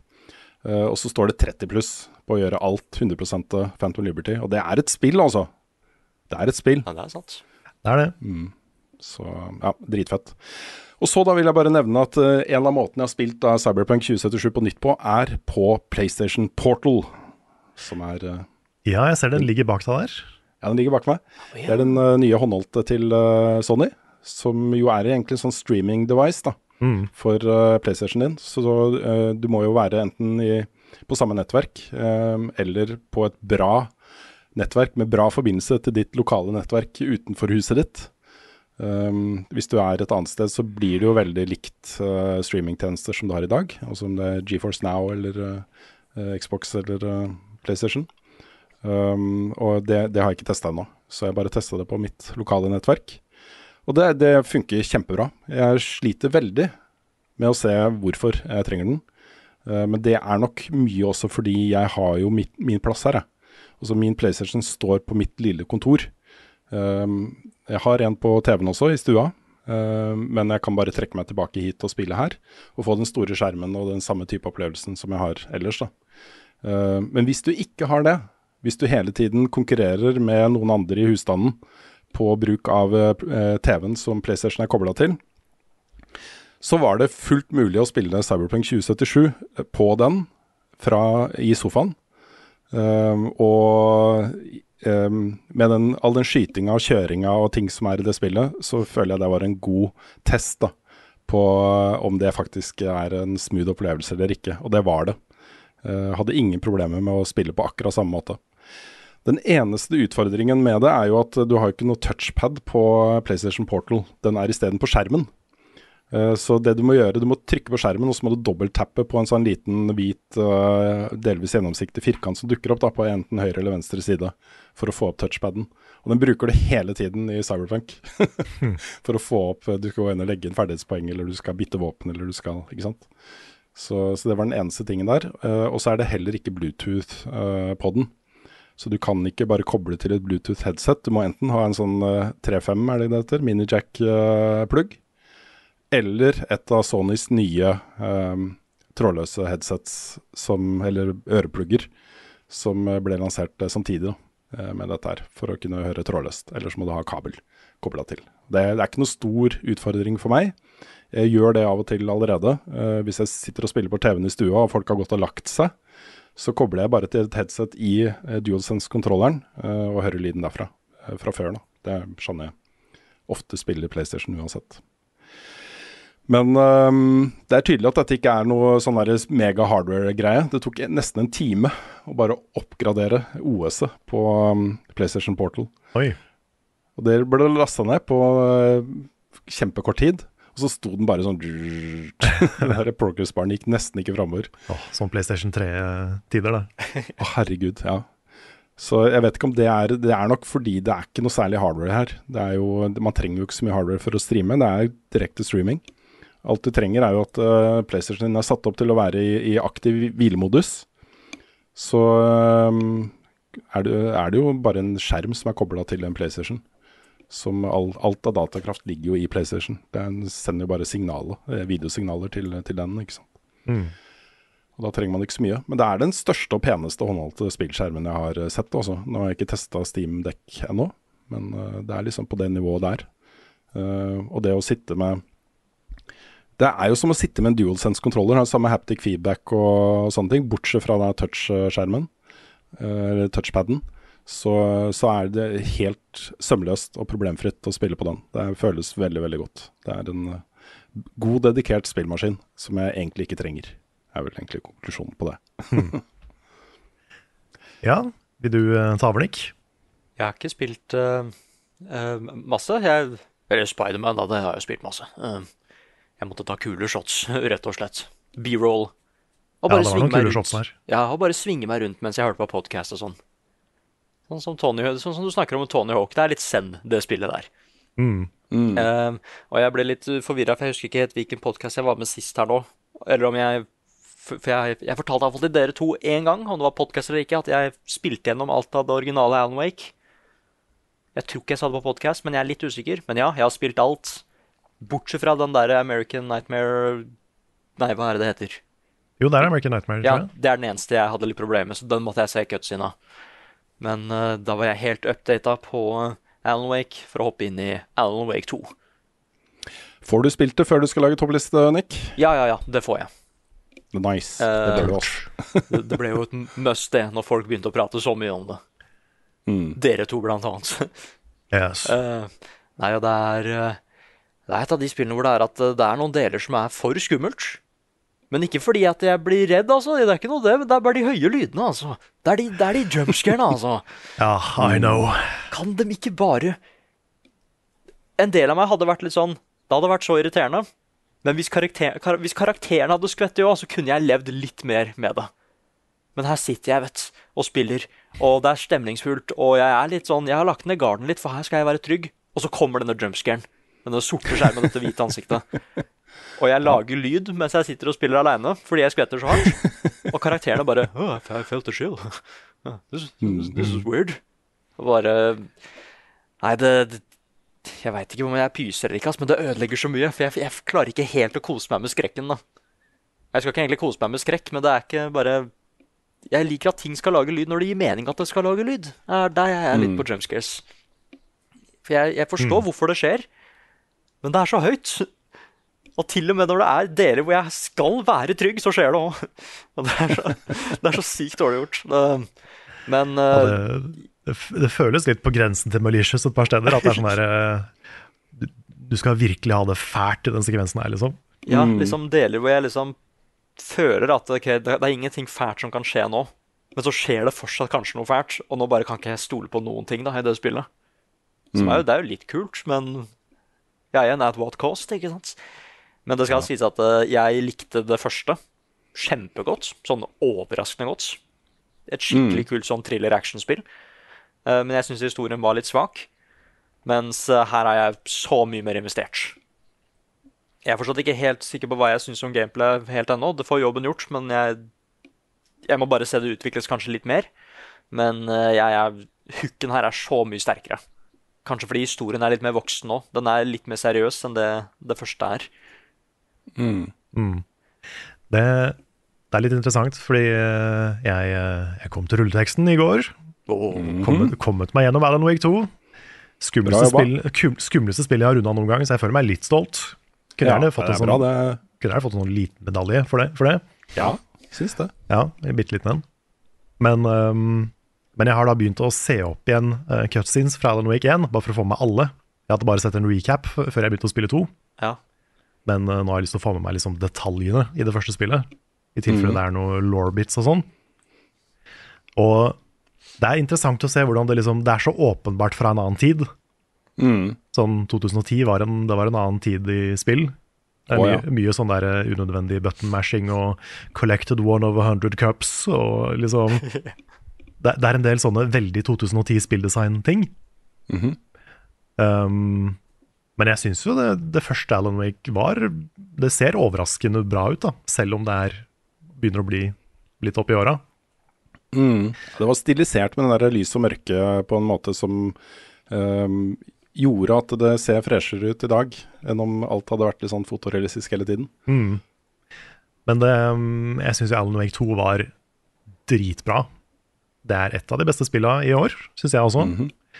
Og uh, jeg har litt samme problemer som Nick med jump scares. At det er sånn Det er spesielt ett kapittel i Alan Wake 2 hvor, det, hvor jeg bikka over liksom Nå er jeg ikke redd lenger, nå er jeg bare sur. Og det, jeg vet ikke om du har kommet dit, Nick, men hvis du har kommet dit, så vet du sikkert hva jeg snakker om. Det er, jeg er veldig usikker. Jeg føler det er Ja, okay. case ikke hele tida, men ve veldig ofte. da Så det kan, det kan er, det, er det i en skog? Er det Det er ikke i en skog. Nei, for jeg klarer heller ikke å pinpointe eh, det øyeblikket oh, nei. jeg ser tilbake på det, for jeg syns det var jumpscares hele tiden. jeg. Ja, det, det er jo på en måte det, men det, er, eh, det handler litt om frekvensen av de. Okay. Mm.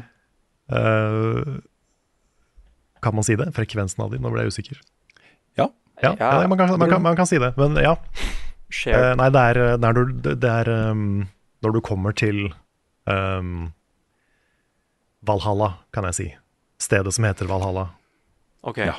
Nei, der Altså ikke, ikke det faktiske Valhalla, men et sted som blir kalt for Valhalla. Mm. ja, jeg skjønner hva du mener. Jeg, jeg er litt sånn derre Jeg koser meg litt med jump scares, jeg, da. Jeg, jeg synes det Altså, det plager meg ikke. Det, jeg blir ikke sur på det i det hele tatt. Den sekvensen er en av mine favorittsekvenser i spillet, rett og slett fordi uh, det har en så veldig tydelig horrorfil, med en horrorboss, en ordentlig horrorboss, som uh, blir med deg gjennom hele levelet, og som er uh, ordentlig fæl, da. Uh, og det, jeg satte veldig pris på det levelet der. Ja, for jeg, jeg er litt sånn derre Jeg tror jeg skjønner hvorfor de har jump scaresa med, Mm. men hadde jeg kunnet skru de av, og bare liksom hatt stemningen For det er, det er skummelt nok uten de. Ja. Og det er liksom Hvis, hvis det bare hadde vært de der mørke korridorene med lyset og stemningen og lyden og alt det andre, så hadde det fortsatt vært like bra, da. Du har lyst på en jump scare slider? Ja, sånn det kunne, hvis, jeg kunne, hvis jeg kunne bare huka av en sånn derre ikke, ikke, ba, ikke bare plutselig si bø hele tida. Ja. Kanskje bare dropp det.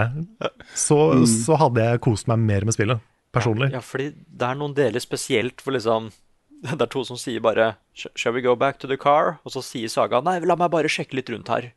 Men nei, jeg, har lyst på, jeg har lyst på at vi skal fade over til bilen nå. ass. Jeg har ikke lyst til å gå gjennom den skogen en gang til. Det er noen deler som var så skummelt at jeg driver bare og skyter et skudd hvert femte minutt for at jeg kan lage litt lyd, ikke sant? Fordi hvis det Fordi jeg gjør det Dead Space hele tida òg.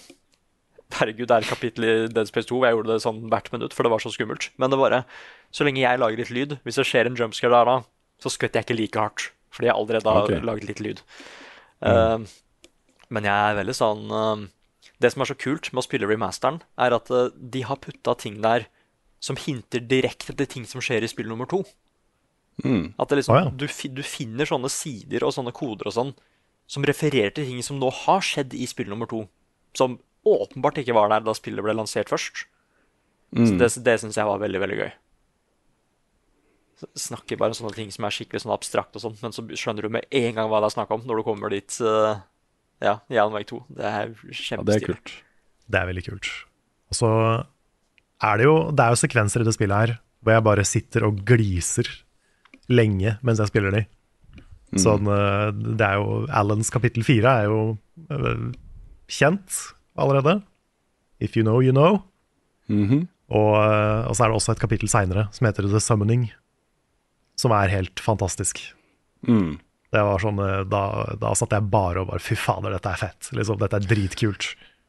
Altså Det de har gjort der, er jo egentlig mer enn noe annet å lage en sånn fornøyelsespark, hvor, de, hvor de, har, de dytter deg ned en retning hvor de har veldig veldig sånn stram regi på hva du skal få oppleve. da. Jeg føler at det er særlig der de har vært utrolig kreative. Altså Mm. De eh, kaster inn overraskelser til deg hele tiden, liksom. Og gir deg en opplevelse som ikke ligner på noe annet. Eh, og mm, hvis, jeg vet at noen sitter og, og sier at eh, det er litt for lineært, at det er litt for begrensa gameplay og den type ting. Men det er ikke en issue for meg i det hele tatt. Fordi det er en sånn thrill ride. En sånn derre, eh, for, fornøyelsespark, en berg-og-dal-bane. Som du har litt frihet i det, og du kan velge om du skal ta den berg-og-dal-banen eller den, men du vet at ok, her sitter ehm, Remedy klare til å bare dytte ting på deg som er ordentlig kreative, ordentlig gjennomtenkte, ordentlig uh, gode, da. Ja. Uh, og det syns jeg er eh, helt makeløst det spillet her også. Ja, det er, det, det er liksom De gameplay-tingene de plager ikke meg heller. Det, for det er, så- spillet er så unikt. Jeg har aldri spilt Alan Wake 2 før, liksom. Nei. Og det er det jeg sitter kanskje mest igjen med, at det var utrolig unikt. Mm. Historien var liksom helt uh, særegen og rar og kul, og mysteriet var bra, og det er også en, um, en sekvens med Saga mot slutten som jeg syns var kjempebra. Som jeg ikke helt uh, Jeg forventa på en måte ikke at det skulle naile det det gjør der, så bra som det gjør. Men Det var en veldig vag måte å si det på. Ja. Men, it's the only way. They did the thing. They did the thing, and they did the thing good. Eh, men også sånn som Coffee World. Det er sånn, jeg har lyst til å dra til Coffee World. Ja, Jeg har lyst til å finne en Ja, jeg har lyst til å finne en drittfornøyelsespark. En skikkelig ræva møkkapark som opererer på den måten, og bare, bare oppleve det. Mm. Det så kjempegøy ut. Ja, det er litt sånn i Oslo hver, eh, hver jul. Da Da kommer jo dette her sirkuset til byen og setter opp eh, bodene sine i Spikersuppa, og det er Ja, ja. Paris-jul og Men jeg har vært, jeg har vært innom julemarkedet nesten hvert år. Ja. Bare for å spise churros og sånn. Oh. Mm. Jeg, jeg gleder meg veldig til å spille inn noen de sekvensene som folk har snakket mye om. Det er Mm. Uh, Mm. Åh, jeg elsker de reklamene, da. Den har, Ja. den har noen allerede nevnt før, men wow. Den vinreklamen, så lo jeg så høyt. Ja, den er nydelig. Det er- det er- Men også, jeg, jeg tror den første er min favoritt. Den derre It's Bear Season. Ja. Ja, det, var, det er bare så absurd humor. Bare Are you one of those that drink wine from glass? Fucking assholes. så bare begynner med sin egen, ah, sin egen ting, da. Det er kjempemorsomt. Mm. Det er også kult eh, Det er et godt eksempel på hvor gærne Remedy er også, da.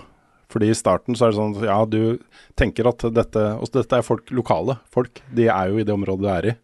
Men hvor, eh, te, hvor mye det blir integrert i den faktiske historien som sine faktiske personer, da, Mm. er, eh, er veldig kult, altså. Det er kjempekult. Ja. Hvordan du møter de da igjen seinere, etter å ha sett reklamene de har laget, og får et nytt forhold til de basert på det. Rollegalleriet er utrolig bra i det spillet her. Ja, det, er, det er det. det. er ingen av karakterene tror jeg, som jeg ikke er nysgjerrig på og engasjert i. Mm. Og det skal mye til. altså. Det er, Ja. det er vanskelig å få til. Mm. Så det er eh, skikkelig imponerende. Mm. Eh, Tore og Odin også er bare fantastiske eh, karakterer. Men kan jeg bare si en Ja, det er sånn I Level Up Awards så er det ganske mange av de birollene vi kunne ha nominert eh, inn der. Også. Det er det. Og eh, selvfølgelig uh, Ati. Ati, ja. Mm. Ati er alltid bra. Ja, Kan jeg bare si en kjapp sånn superrask ting om Anwake? Wake? Ja. For jeg, jeg var veldig sånn der Skal jeg bare hoppe rett på spill nummer to, eller starte på spill nummer én? For jeg gjorde det med Xenoblade òg, at jeg bare tar det fra starten av for å få med meg hele opplevelsen. Og det var så mange som sa det at eh, det ikke er noe problem å hoppe inn i spill nummer to. Men det er Det er veldig mye payoff du mister, ass. Av å ikke vite hva som skjedde i det første. Det er veldig mange sånne fremmedord og sånn som ja, de forklarer etter hvert hva det er. Men har du spilt det første, så vet du nøyaktig hva det er. Liksom Når du hører om ting som The Clicker eller bare et eller annet sånt. Bare hva er det? De snakker litt som at, du forventer, at de forventer at du vet hva det er. Mm. Så jeg, jeg, jeg ble veldig overraska over hvor mye liksom callbacks det er. og Jeg tror jeg hadde kost meg med historien, men jeg merker, jeg, jeg er veldig spent på hva jeg hadde syntes hvis jeg ikke visste noe om universet før jeg hoppa inn i spill nummer to. Mm. Jeg er glad for at jeg så en recap av det første før jeg begynte. Men du får jo en slags recap i spill nummer to også på en del ting. Ja, jeg har altså eh, Jeg mener jo at det mer bare tilfører et lag til, da, eh, enn at eh, Fordi jeg spilte jo Alan Wake 1 da det kom ut. Husker veldig lite. Jeg husker enkeltsekvenser, og jeg husker eh, den generelle stemningen, og ikke minst plottet, da. Eh, Jeg husker plottet, liksom. Men de der direkte referansene, det er mange av de jeg ikke tok da Da jeg spilte nummer to. Hvor jeg eh, mer skjønte at ja, dette må jo være en referanse til noe som eh, vært, har vært kjent før. Eh, jeg husker ikke den referansen, men jeg digga det likevel, da. Mm. Um, og det er noe med det når, når jeg, med min oppfattelse og min erindring av det første spillet kan mene at Alan Wake 2 er et av årets klart beste spill allikevel, så er det ikke sånn at du mister så mye av uh, opplevelsen at det uh, ikke er bra lenger. Det er fortsatt dritbra, da. En dritbra opplevelse, selv om du må gjette linkene i større grad. Mm, nei, Mm. Så um, Det er derfor jeg sier det på den måten. At du kan gå rett på nummer to hvis du vil. ja, jeg, jeg tror det funker. Du blir på en måte som FBI-agenten, med at du bare hopper inn i noe du ikke forstår noe av. Og så er bare ting skikkelig, skikkelig rart. Men det er sånn Mm. Det er Det er veldig mange ting som jeg føler blir planta fordi du vet hva som skjedde i det første spillet. Det er Ja. noen sånne ting i en leilighet, blant annet, skal ikke si hva det er, men der ble det sånn Det fikk noen implikasjoner, altså, når du har sett slutten på det første spillet. Um, altså, jeg, ja, jeg, jeg tror det skal gå fint, men samtidig òg bare Det hadde vært litt kult. Bare gjør som Carla, ta en liten recap. Du får jo alltid noe mer ut av å kunne hele historien, på en måte. Absolutt. Så jeg skjønner, jeg skjønner hva du mener, Nick. Og ja, altså bare så elsker jeg å gå fra noe som var mer et actionspill, og nå til skrekk. Og det gir mening at sjangeren er, fra, at sjangeren er så annerledes nå, da, i det spillet her. Så du får litt whiplash av det òg. Bare herregud, det var jo ikke så skummelt før. Det var jo ikke det. Nå er jeg redd for å gå i skogen og sånn. På dagen, liksom. Nei, det Men det er også stappfullt av referanser til Control.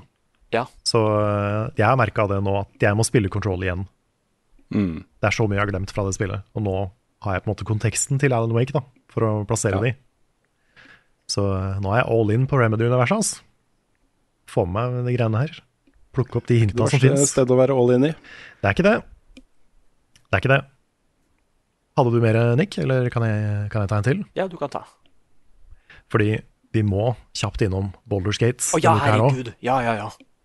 Fordi eh, nå har jo eh, Nick og Svens og jeg Vi har jo fortsatt å spille, og vi, er, vi nærmer oss slutten nå, tror jeg. Vi er eh, dypt ute i akt tre. Ja. Og vi, litt sånn apropos Game Awards, da, for vi spilte jo um, Forrige gang vi spilte, så gjorde vi uh, den personlige questen til Astarian. Og da hadde vi ikke med oss Astarian, og det tror jeg folk kommer til å være ganske sinna på oss for på YouTube. ja. Fordi på min solo-playthrough som jeg har ved siden av, så tok jeg med Astarian. Og jeg hadde ikke egentlig skjønt hvorfor han var nominert i Game Awards, fordi han var liksom bare en av mange flinke voice actors i det spillet. Men etter å ha gjort den questen med han, så skjønner jeg hvorfor han var nominert. ja.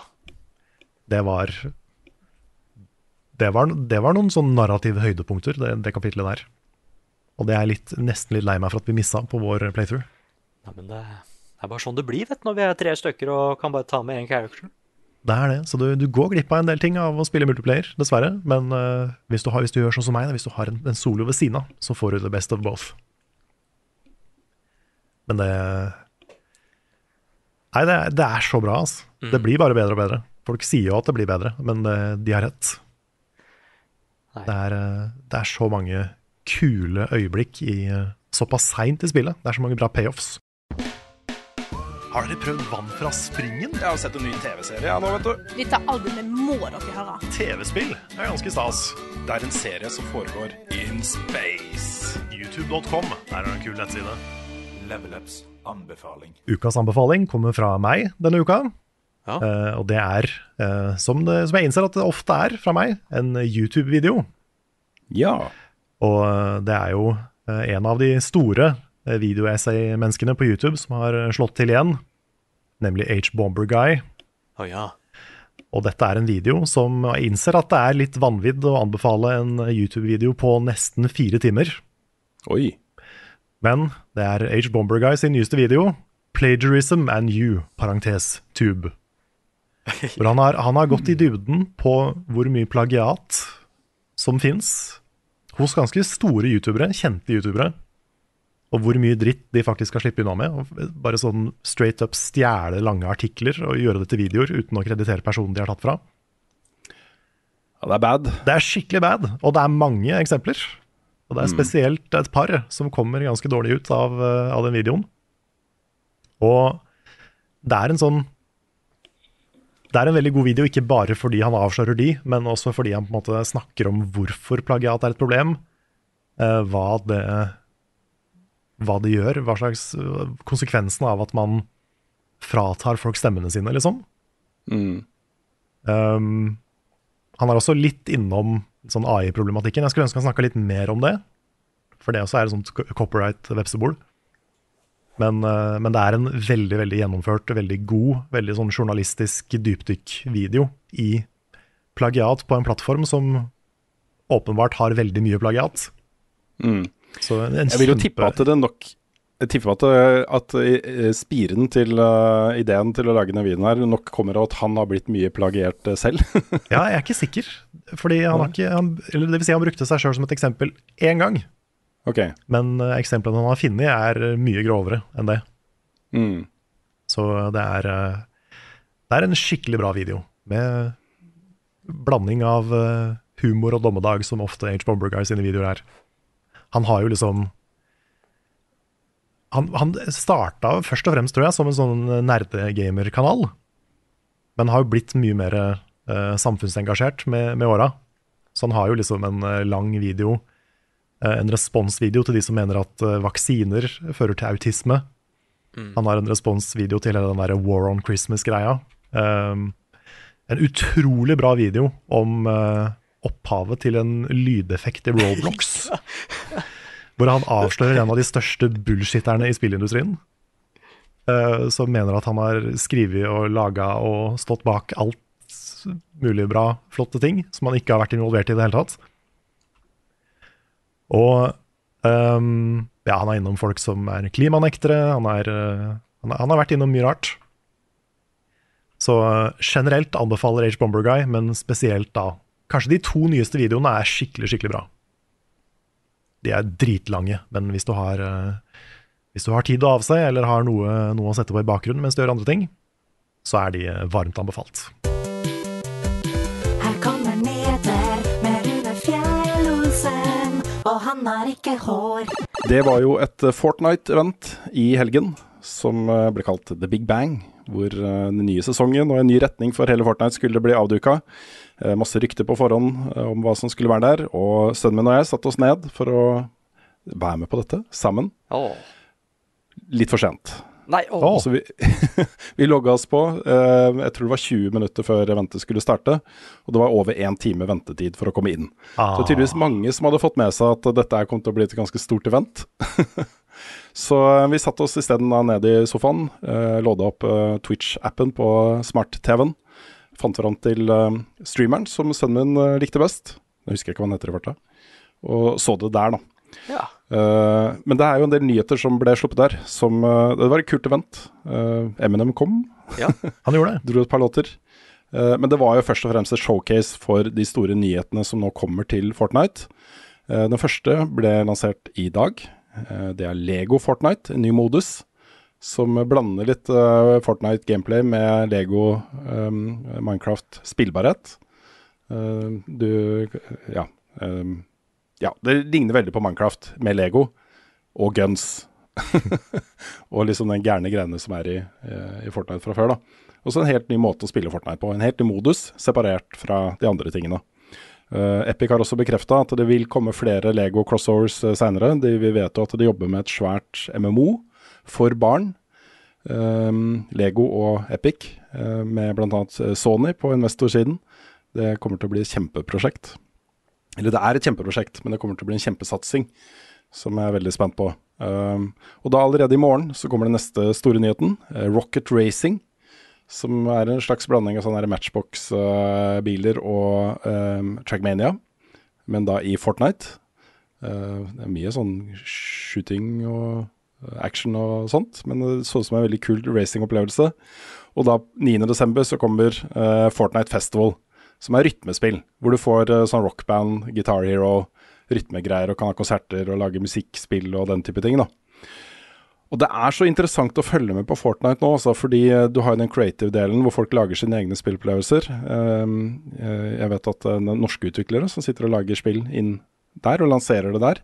Det kommer jo opp som en sånn Roblox-type meny, da, med forskjellige typer spillopplevelser som er lagd av eh, andre enn Epic, som du velger å vrake fra som en slags meny. Og når du legger til både racing og den eh, Lego-tingen og eh, musikkspill i den miksen, så utvider du jo bare hva det kan være. Mm. Det er eh, et av de mest, eh, en av de mest spennende arenaer for nye spillopplevelser som fins, eh, egentlig. også. Så jeg foreslår og anbefaler at vi tar følger litt med Mm. på hva som skjer der, egentlig. Ja, det er, det er kult at det fortsatt er en ting. Liksom, nå er jo Roblox allerede en ting, men eh, at Dreams skjøtta jo nylig ned, gjorde det ikke det? Det husker jeg ikke, men uh, ja. Tror det, Ellers så skal de straks skjøtte ned, men det, det er jo en svær community der som mister sitt verktøy, på en måte. Så Mm. det er bra det finnes alternativer. Ja, så får du jo uh, en av verdens mest avanserte eh, spillmotorer å leke seg med. Eh, Real Engine 5. Mm. Det er, eh, ja, det er kjempespennende, rett og slett. Det er eh, fryktelig nervøs stemning i Bungie om dagen. Vi har jo vært innom dette litt før, men det har jo vært nedskjærelser. 100 personer ble, fikk sparken. Mange av de i community-avdelingen til Bungie, men også en god del folk fra avdelingen som jobber med, med inkludering, f.eks. Og det å på en måte passe på at man eh, har en del andre hensyn enn eh, CV når man skal ansette folk. Lage et, et, eh, et rikt miljø med mange forskjellige typer bakgrunner og osv. Særlig den type avdelinger som fikk eh, eh, nedskjæringer, da, hvor folk måtte gå. Da er det jo litt sånn ekstra kjipt å se de nominert i Best Community Support på The Game Awards, Mm. Egentlig. Når det er midt i den greia her, liksom. Eh, Det som er bekymringen nå, da, er jo at hvis ikke eh, inntjeningen går opp ganske snart, så frykter da flere at eh, Sony vil komme inn og ta over styringen av Bungie. Og den avtalen som ble inngått da, da Sony kjøpte Bungie eh, for litt siden, var jo at de skulle operere som en helt uavhengig enhet. Og ha styringsrett og full kontroll med retningen selskapet skal ta. da. Eh, Men nå har de jo utsatt eh, The Final Shape, som er den siste store expansionen, i hvert fall foreløpig, planlagt til Destiny, eh, helt fram til juni. Skulle komme i februar. Og det er litt sånn nå, kniven på strupen. Det må selge bra. Det må bli en suksess. Er litt den stemningen som er i Bungie nå. De har jo kansellert en del sånne velferdstiltak. Eh, De har eh, eh, skjært ned på reiseutgifter.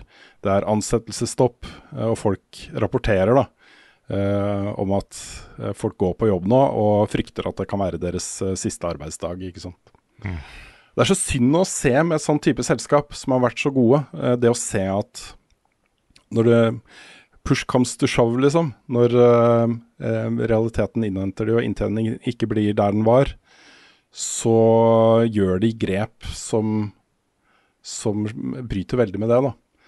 Eksempel så er det jo en i, i um, Human Resource, altså HR-avdelinga til Bunji, en av sjefene der, som har kalt nedskjæringen en, uh, en uh, lever, altså en spak, som de kan dra på når de må. og den spaken, ikke sant, de må skjære den, kutte 100 folk. Den kan du bruke når som helst, da. Det er så, det er så eh, følelseskaldt Mm. å kalle den type nedskjæringer for det. da. En, en, bare en taktisk spak de kan bruke når de må. Ja, det er, det er 100 skjebner. Det er 100 skjebner. Og um, ja, det virker ikke ut det, det høres ikke ut som det er eh, så veldig fett å jobbe i Bungie akkurat nå. Og det er jo kjempesynd også. Jeg håper de klarer å snu eh, stemningen der og gjøre noen grep i ledelsen. Eh, De har jo også, ledelsen har jo også bare avfeid kommentarer om at ja, jeg antar at dette også betyr kutt i lønna til ledelsen i Bunji. Og så bare nei, Bunji er ikke sånn type selskap. Å nei, Det er helt uaktuelt å kutte lederlønninger i det selskapet. ikke et sånn type bra selskap som ville gjort det.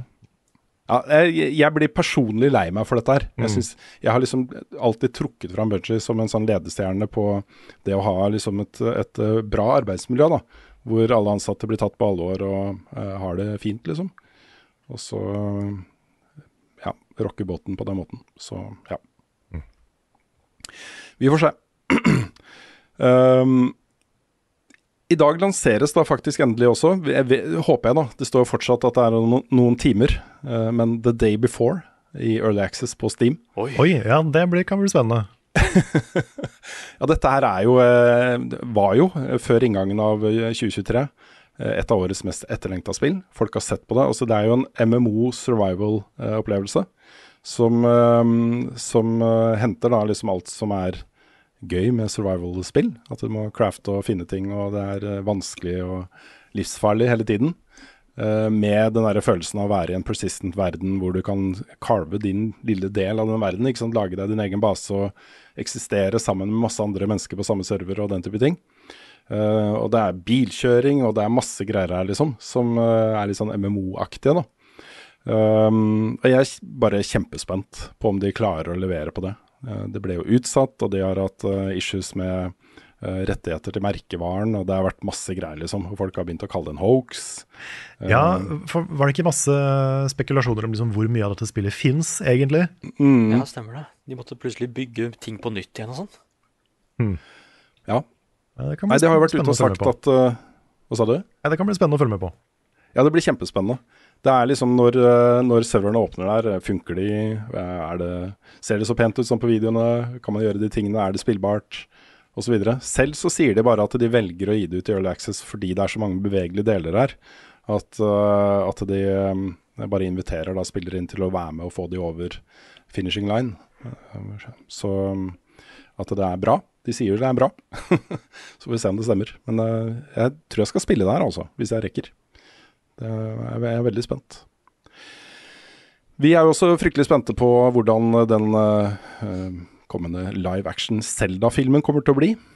Eh, og nå har eh, Wes Ball, som er regissør da, for den filmen, vært ute og gjort et intervju med Entertainment Weekly. Og Wes Ball er jo tidligere, har jo tidligere da regissert Maze Runner-filmene. Han er også eh, regissør på den kommende Kingdom of the Planet of the Apes, Ja. som kommer neste år. Hvis du har lyst til å plassere han i landskapet der. Mm. Eh, men han sier da først og fremst at eh, målet er å lage en awesome fantasy-opplevelse som ikke ligner på Ringenes herre. Eh, og sitatet er da I've always said I would love to see a live action Miyazaki. That wonder and whimsy that he brings to things. I would love to see something like that. Også en, en live action Ghibli-film, altså. Ja, Ja. Mer, mer Ghibli enn Ringenes herre. Nettopp. Det er det man henter ut av det. Ja. Men det er interessant, Mm, for det passer Selda. helt enig. Det er, eh, det er så mye weird og fargerikt og morsomt og særegent i Selda Mm. at det, det syns jeg høres bra ut. Ja, jeg var litt glad for å se på en måte retningen på eh, tonen de skal holde, bli definert på den måten. Mm. Så selv om det er Han sier det er masse igjen her, liksom. Og det, han har jevnlig møte med, med Miyamoto og, og Nintendo for å finne ut av ting, og de jobba med dette her i ti år. Jeg hadde hatt møter i ti år om den filmen her. Wow. Eh, men han sier jo at han, er, han har vokst opp med Zelda-spillene, han er veldig glad i serien, han er en gamer. Han eh, er personlig eh, engasjert i å få dette til å bli så bra som mulig. Eh, og han peker jo på det som er filmens aller største utfordring, og det er jo hvordan skal vi gjøre dette her på en måte som eh, fansen aksepterer. Ja. Det er på en måte det som er utgangspunktet. Og det er vanskeligere, sier han, med Zelda enn det er med Super Mario f.eks. Um, Ja. Rett og slett fordi Zelda har liksom en veldig elska og godt utfylt identitet da, Mm. eh, fra før. Ja, man blir mer knytta til universet i Selda enn man blir til Mm. Mario. Ja. Det, Hyrule er liksom noe annet enn Mushroom Kingdom. Ja. Men jeg mener, jeg mener jeg har sett at det fins tweets eh, fra han her, fra West Ball, som går sånn 11-12 år tilbake i tid, hvor han snakker om at kan ikke noen lage en Selda-film? Så han har, vært, han har vært engasjert i det her lenge. I'll Å, do ja. it myself. Yes. Ja, nei, vi får se. Han sa det er fortsatt lenge igjen da, til den filmen eventuelt, eh, ikke eventuelt, den filmen er klar. Uh, han uh, håper at det blir hans neste prosjekt etter uh, Kingdom of the Planet of the Apes. Men han kunne ikke garantere det, så det kan at han kjører en film til mellom der, da. Ja. Vi uh, går også, er spente på um, Fallout, TV-serien, som kommer Ja. på Amazon Prime den 12. april. Den er regissert av Nolan, men ikke Christopher Nolan Nei. broren hans, Jonathan Nolan. og Det er litt spennende, for de to har samarbeida mange av de beste filmene til Christopher, Christopher Nolan. har jo Jonathan Nolan vært med på. Mm. Han var jo også involvert Det er flere på teamet, i hvert fall, som var involvert med Westworld-TV-serien på HBO. Stemmer. Ja, var det han som Eller blander jeg, var han bak Watchmen-serien? Og det husker jeg ikke. Nei, Nei det kan, jeg tror jeg blander. Jeg tror jeg blander. Jeg holdt på å si Lindelof. Ja, det var Lindelof, da, selvfølgelig. Never Ja. mind. Nei, men jeg, jeg, jeg blander også de to. Ja. Nei, det er eh, Nei, jeg Jeg ble så positivt overraska av den traileren. Ja, ja, for det kom en teaser-trailer som viste var litt, Den minna meg litt om GTA 6-traileren. Det var et sånn derre tverrsnitt av hele opplevelsen. Og det var alt fra liksom gravide Volt-dwellers som st- sto og skjøt med eh, maskingevær, til uh, sånne flotte scener med liksom solnedgang og ute i villmarka og, og sånt. Og du hadde jo utrolig mange av de der varemerkene fra Fallout-serien var jo med her. Um, fra liksom uh, muterte bjørner til, eh, til eh, eh, eh, mennesker eh, tydelig eh, visuelt påvirket av, eh, av eh, stråling. Mm. um, jeg jeg, sy jeg syns rett og slett det var en fet teaser-trailer Ja. som gjorde meg veldig nysgjerrig på og spent på TV-serien. Det, det, føltes, det føltes ut som Fallout, og jeg, jeg er så spent på hvor bonkers det kan bli. Mm. Ja, jeg er veldig spent. 12. april altså eh, kommer den på Amazon Prime. Vi benker oss ned eh, for å se den, garantert. Og så har jeg også lyst til å nevne at uh, det har tydeligvis vært dagen for lansering av dette her. Fordi um, det har kommet en uh, oppdatering av Sea of Thieves også, som har vært etterspurt nå i fem år. Helt siden Sea of Thieves ble lansert. For det er jo ett et problem mange har med Sea of Thieves. Okay. Og det er jo at du har bare lyst til å være ute på eventyr med skipet ditt ehm, i den verden her, og eh, gjøre quester og eh, slåss med bosser og, og finne skatter og alt dette her. Så kommer det da en gjeng gærninger eh, på, høye på energidrikk og bare senker skipet ditt og ødelegger det, anførselstegn. Dette er jo en del av opplevelsen for veldig mange også. Mm. Det at man alltid kan møte andre spillere som du kan gå i krig med. Nå kommer det da private servere til eh, Sea of Thieves. Det har kommet nå, eller kom jeg tror det er i dag. Um, I en egen modus som heter Safer Seas. Ah, Hvor du kan da spille eh, PVE, alt innholdet i PVE, uten å være bekymra for at det kommer inn eh, noen 13 år gamle eh, YB-gamers og ødelegger eh, opplevelsen for deg. Hva er hennes best, hvor var fredag sist? Har Carl egentlig sopp? Ukens spørsmål. Vi begynner med et spørsmål fra fantastiske Martin Erfjord, som spør Hva tenker dere om Game Awards i forhold til E3? Jeg likte bedre som det var før, med en egen Oscar-konferanse og en annen helt reinspikka konferanse med utelukkende fokus på nye spill og nyvinning i bransjen. Hvor lenge tror dere at det blir som det er nå? Det har nok kommet for å bli, tror jeg, da. Det er litt fordi hvis du reiser rundt til de store spillstudioene nå, så alle sammen, de har sitt eget dritfete Twitch-studio. Hvor eh, er, de, de kan bare lage sine egne sendinger og ha sine egne directs og sånne ting. Hvor uh, utviklerne selv, da, altså regissøren av spillet, eh, går de 20 meterne fra kontoret sitt bort til studio og sitter en time og snakker om uh, et eller annet, liksom det er, Du ser den oppmerksomheten det får, da, og hvor godt det blir sett, og hvor uh, kontroll de har selv over både kostnader og narrativ og alt mulig rart. Det er eh, å foretrekke, tror jeg, da, for de fleste, eh, kontra det å sette av liksom tid til å lage en eh, vertikal slice av spillet sitt, en demo som de kan ha på et messegulv, så folk skal stå, stå og spille. Det å sette av folk til å være der en uke for å in bli intervjua og sånne ting, det er mye mer behagelig å bare gjøre det sjøl, altså. og mye billigere. Ja, det er det. og for fansen også i mange tilfeller bedre, fordi du blir inkludert på en helt annen måte, da. Det er sant. Men du mister jo noe da, av å ikke ha den der samlende messa hvor alle følger med. Så jeg håper jo også den kommer tilbake i en eller annen form. Mm. At liksom Om det er Jeff Keeley eller om det er eh, noen andre. Så at, at man klarer å samle spillmediet til en sånn felles ting hvor alle følger med, og til og med, til og med NRK skriver sak, liksom. Ja, for jeg tror det kommer til å skje igjen. Jeg tror ikke det, altså. Vi, vi fikk et eksempel på det denne uka her også. Fordi jeg, jeg tenkte jo at kanskje da den GTA 6-traileren, siden vi sa tidlig desember, og Game Awards var tidlig desember, at det var liksom arenaen for det. Men når du så hvilken effekt det hadde å bare slippe den traileren på sin egen YouTube-kanal, og så hvilken impact det hadde Dette er større enn Game Awards. Altså Dette ene spillet er større enn Game Awards i oppmerksomhet og uh, kulturell betydning da, eh, for liksom nyhetsbildet over hele verden. Og det er jo den type annonseringer og avdukinger og sånt som har gjort etere til det det var. Også det at det var der vi fikk se de første, altså første avdukingen av det store spillet som alle går og venter på, altså Half-Life 2.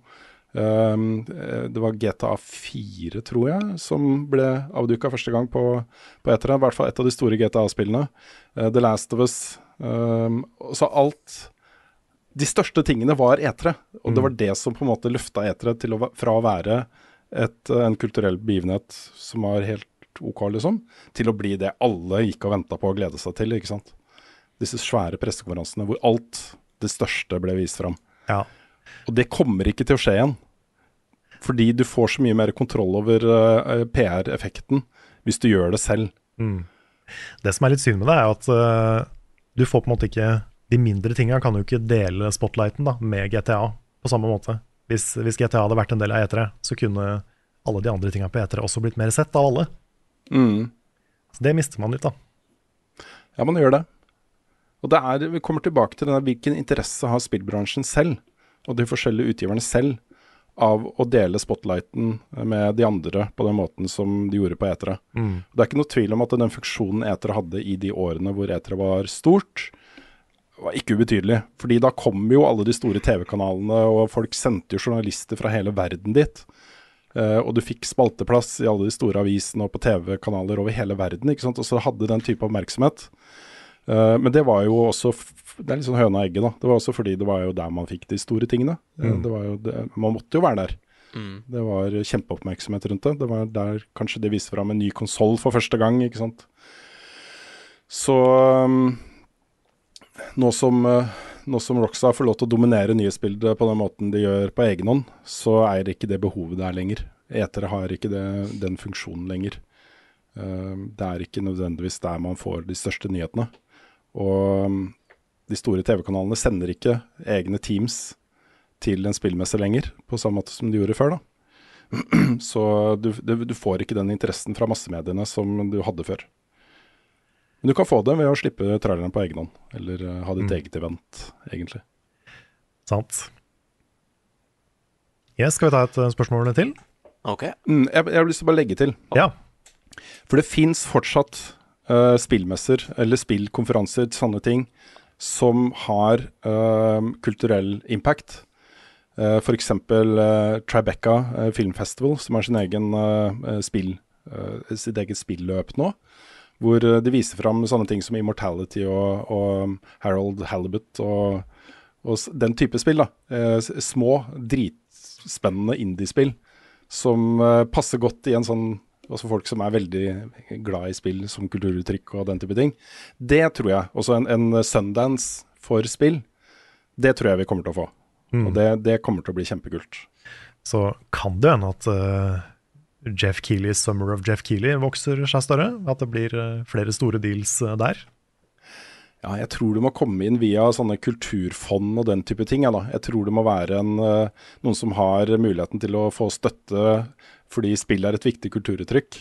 Ja, sånn, ja. Jeg tror det er mer det, fordi hvis Jeff Keeley skal gjøre det, så vet du at det blir gjennomsyra av kommersielle interesser. Ja, det gjør det. Uh, og da, da er det ikke sikkert uh, den kulturelle betydningen for sånne som oss blir like stor da, for en sånn type messe. Mm. Nå bygger vi jo veldig ned Game Awards. Jeg forventer jo å få noen skikkelig feite overraskelser i, i natt. Ja, ja. Allikevel. Og så var jo E3 også hyperkommersielt, var det ikke det? Jo da, absolutt. Men uh, det er liksom bare på etere hvor jeg kunne gå inn på et bakrom og, og se liksom Battlefield 1941, altså det første Battlefield-spillet. Mm. Sette meg ned og spille det liksom en hal et halvt år før utgivelse. Ja. Snakke med spillets regissør som bare står der og henger. Jeg, jeg var på et rom med tror jeg, ti andre mennesker eh, og fikk se Bloodborne før alle andre fikk se Bloodborne. Wow. Og jeg skjønte ikke da at en person som sto der, mest sannsynlig var Miyazaki. Nei! Nettopp. Så det kan hende jeg har sett han uten å vite det. Ja. Ja, nei, jeg har hatt så mange Jeg har- stått på den var en, Da jeg var så dum at jeg røyka. Sto på en balkong uh, og tok en, en, en sigg med, med Peter Molyneux. Ja. Bare s- sto og prata om alt mulig rart. liksom. Det var ikke en intervjusetting engang. Men jeg kunne jo stille han da spørsmål off the record om ting som han følte seg fri til å snakke om. da, Så vi hadde en ordentlig fin samtale da, Hmm. om, om greier, liksom. Eh, så det Jeg savner jo det, liksom. Det var en fin, fin uh, tid, egentlig. Og den jumpscaren som kom da KG Inafune snudde seg rundt og var personen foran meg i Mighty Number 9-køen. Oi, oi, oi. Bare, jeg husker den der panikkfølelsen av bare Lars! Hvor er Lars? Ta opp kamera! Og så fikk jeg liksom et intervju med Me Megaman-mannen. Wow. Ja, det er, sett bort ifra at uh, Mighty Number 9 var ræv, så var det et kult øyeblikk. selvfølgelig er det et kult øyeblikk. Mm. Right. Yes, neste spørsmål. Vi har et her fra Jon Magnus Restad, som spør nå som julefreden snart senker seg, kan vi slå fast at spillåret 2023 ble en skikkelig høydare. Tror dere spillåret 2024 vil bli like bra, eller til og med bedre? Nei. Nei, Men- men- jeg, men- jeg er litt eh, Kan, Ja. jeg, jeg sier nei for også å jinxe det litt, da. Ja, sånn, ja. Nei, jeg tror ikke det kommer noe spennende greier over oss. Nei, neste år, mener jeg. Um, Det er, ikke så, det er ikke så mange spill vi vet om i 2024 som, som er sånn dette kommer til å bli gigasvært. Vi har noen, Ja, um, men jeg, det skal mye til å toppe 2023. Altså. det skal de til. Det er liksom øh, Jeg mener jo det er øh, Det er særlig fire-fem spill da som er sånn udiskutabelt, hvis man selv objektivt sett, liksom. Hvis man skal bare se tilbake på året. Fire-fem spill som er noen av tidenes beste på det i sin sjanger. Mm. Det er litt uvanlig, altså. Og så under der også, så er det veldig mye sterkt. Mye, mye bra greier. Ja, jeg tror forrige gang vi fikk et sånt år, det var sånn 2018 kanskje. Ja. Ikke vi har hatt et så bra år siden da. Nei, men det som, det som folk må ha litt i bakhodet også, er jo at uh, en ting som kan ha ganske stor effekt på spillåret 2024, er jo at det er det året hvor vi kommer til å se Unreal Engine 5 virkelig skinne. da. Og det er en, det er, For eksempel da, så er det jo eh, under utvikling nå uh, opptil flere sånne samurai, ninja, kung fu-spill. Uh. Som ser alle, alle sammen. De ser ganske like ut, men de ser dritbra ut, da, alle sammen.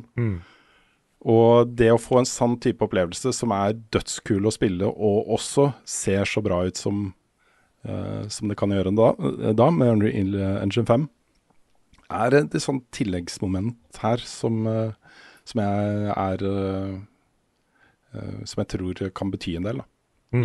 Ja, det jo de nye tingene jeg ikke veit om også. Fordi jeg husker da vi, vi pleier alltid på starten av året å ha en sånn liste over det vi gleder oss mest til det året. Og jeg husker jeg sleit å lage det sist gang. Fordi det var så mye som vi visste skulle dukke opp i år.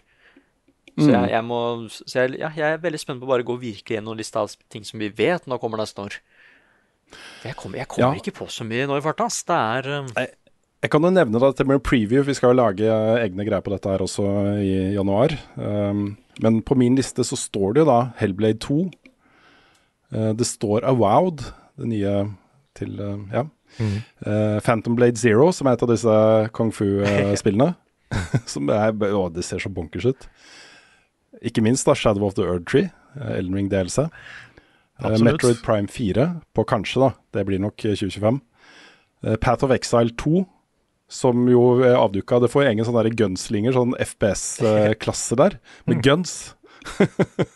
um, Hades 2 står der. Hyperlight Breaker. Uh, Nightingale.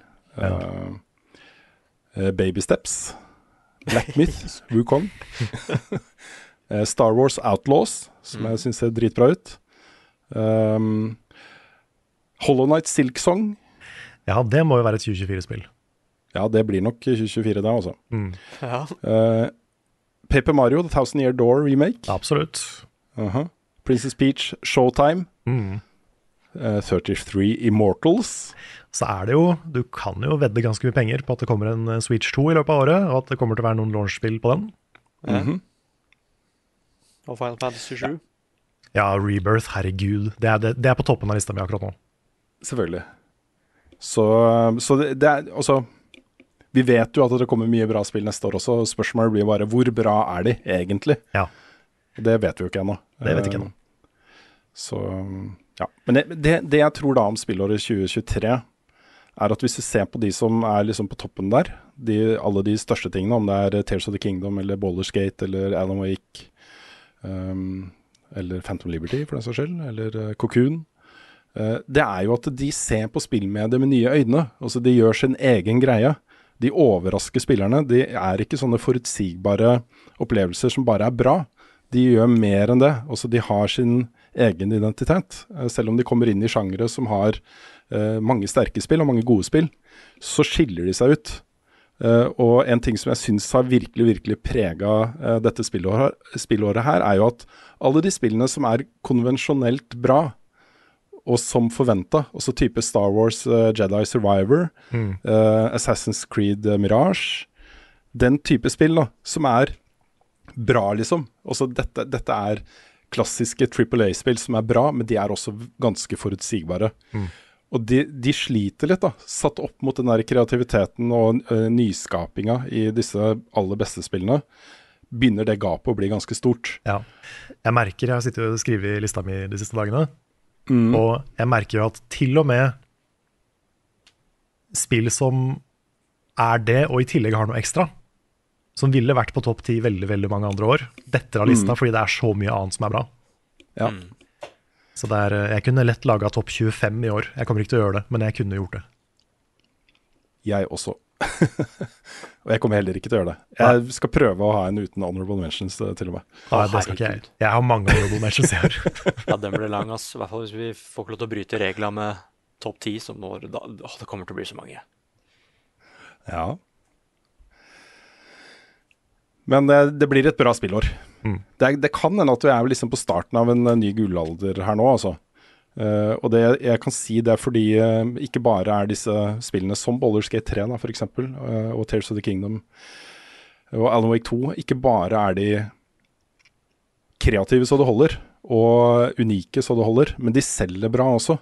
Og så Det er på en måte litt oppskriften på en Det å bruke liksom så mye penger som det koster å lage disse spillene nå, og sette av så mye tid og ressurser og ta den gamblen som er, da, så begynner det å bli litt sånn at hvis du er for safe da, så er, øker sannsynligheten for at du feiler.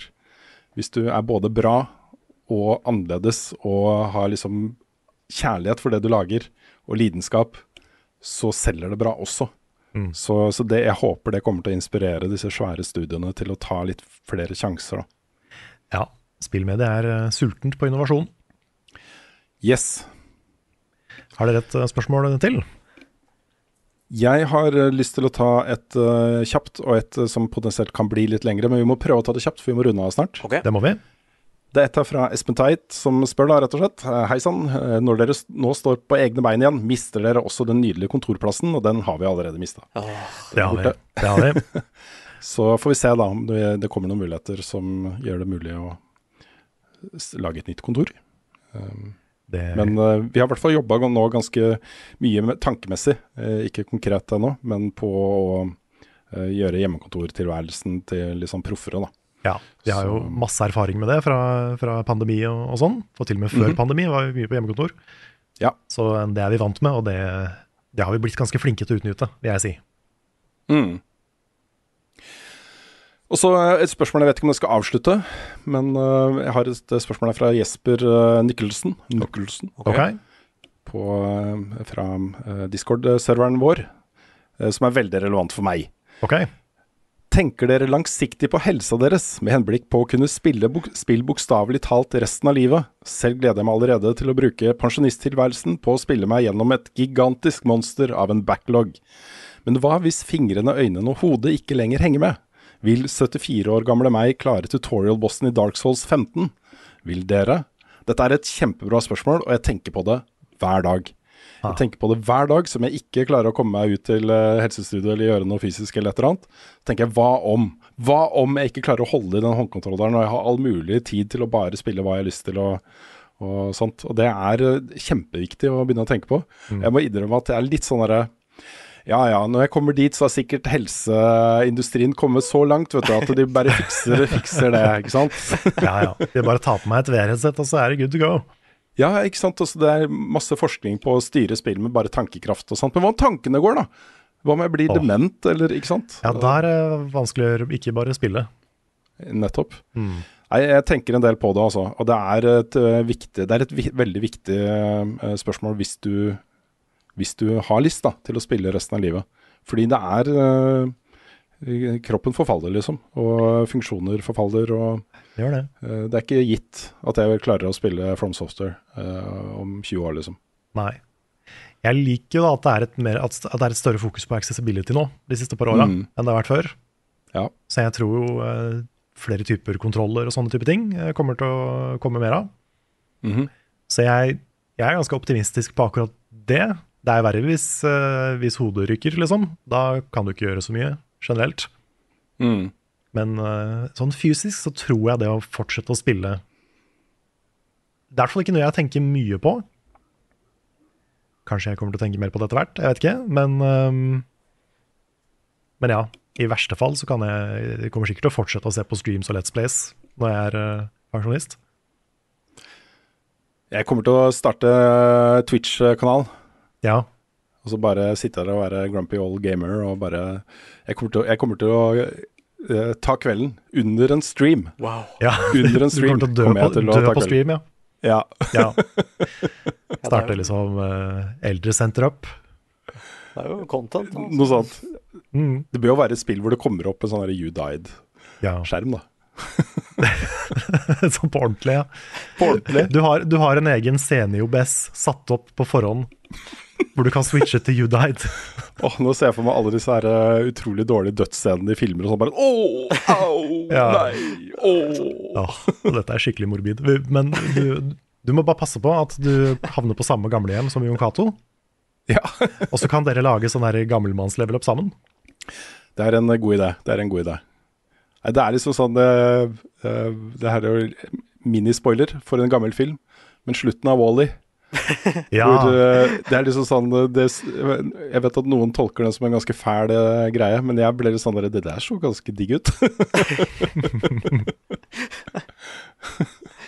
jeg ser litt for meg at det kommer til å være greit å ligge som en grønnsak i en seng med et eller annet kobla rett inn i sentralnervesystemet og bare ha det fett. det er sånn dystopisk, men Men det er noe her. all right, da runder vi av med, med den tanken. Ja. Ja. Eh, og så takker vi så mye for at du har hørt på denne podcasten. Dette er en podcast utgitt av Moderne Media. Låten i Natron er skrevet av Ole Sønnik Larsen og arrangert og framført av Kyoshu Orchestra. Vignettene, fantastiske Martin Herfjord. Du finner alt vi lager, mer eller mindre, på youtube.com slash levelupnord. Du finner streamene våre, blant annet i kveld når vi skal følge Game Awards. Eller i natt, natt til fredag. Ja, det blir jo klokka halv to i natt starter showet, med sånn preshow. Det gjør det. Så, så vi er nok live da fra sånn, kanskje ett, eller eh, kanskje før også. Det er mulig Ja. at vi setter opp noen sånn eh, ventestream i forkant. Det, det gjør vi muligens. Vi har Ikke sant? litt, eh, Hjelpe folk med å holde seg våkne. Ikke sant? Og så skal vi, vi må gå gjennom nominasjoner. Vi har uh, muligens et bingokort klart. Mhm. Så ser vi hvor lang tid det tar før vi får bingo. Uh, så, så det skjer mye gøy i, i natt. Eh, du finner eh, webshoppen vår på levelupnorge.myspreadshop.no. Der har vi T-skjorter og ting og tang. Mac-forklær. Mye forskjellig. Ja, det var noen som posta på Level Up Community at de fikk sitt første Level Up merch i bursdagsgave av uh, en av ungene sine. Det var en Hey. Level Up musematte. Ah. Nice. Nice, nice. Håper vi at det er en skikkelig god musematte. Ja. Det, det er bare. Kun det beste er godt nok. Mhm. Eh, ellers så finner du vårt eh, flotte Discord-community på discord.gg slash levelupnorge. Og ikke minst, hvis du har mulighet til å backe oss på Patreon for at vi skal kunne fortsette å lage video og streame og podcast og det vi gjør. I tiden framover så finner du oss på Patreon. Patreon.com slash levelupnorge. Og der har du mulighet til å bidra med så mye eller lite du vil og kan. Ja, vi er jo litt bekymra for eh, 2024, eh, må vi jo innrømme. Så det hjelper jo veldig. Hvis, Det gjør det. eh, ja. Og vi, vi ser at noen har gått inn og blitt backere i det siste. Det setter vi kjempepris på. Så tusen hjertelig takk til dere. Vi kommer, kommer til å trenge dere neste år, og det setter vi kjempepris på. Enormt pris på det. Enormt pris på det. Og det tror jeg var alle tinga på lista. Jeg tror du er gjennom alt, ja. Jeg tror jeg naila det. Jeg begynner å bli ganske god på det nå, altså. ja. Jeg har vært eh, vikar såpass lenge nå at eh, nå, nå kan jeg snart faktisk være vikar. Ja, har det inne. Har inne. Men eh, med det så takker vi for eh, denne gang, og så snakkes vi igjen på stream i kveld og i podkasten neste uke.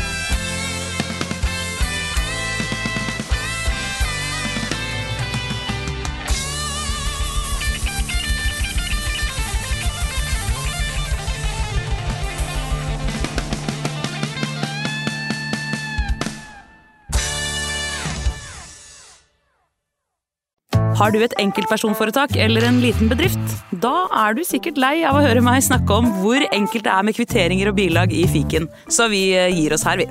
Fordi vi liker enkelt. Fiken superenkelt regnskap.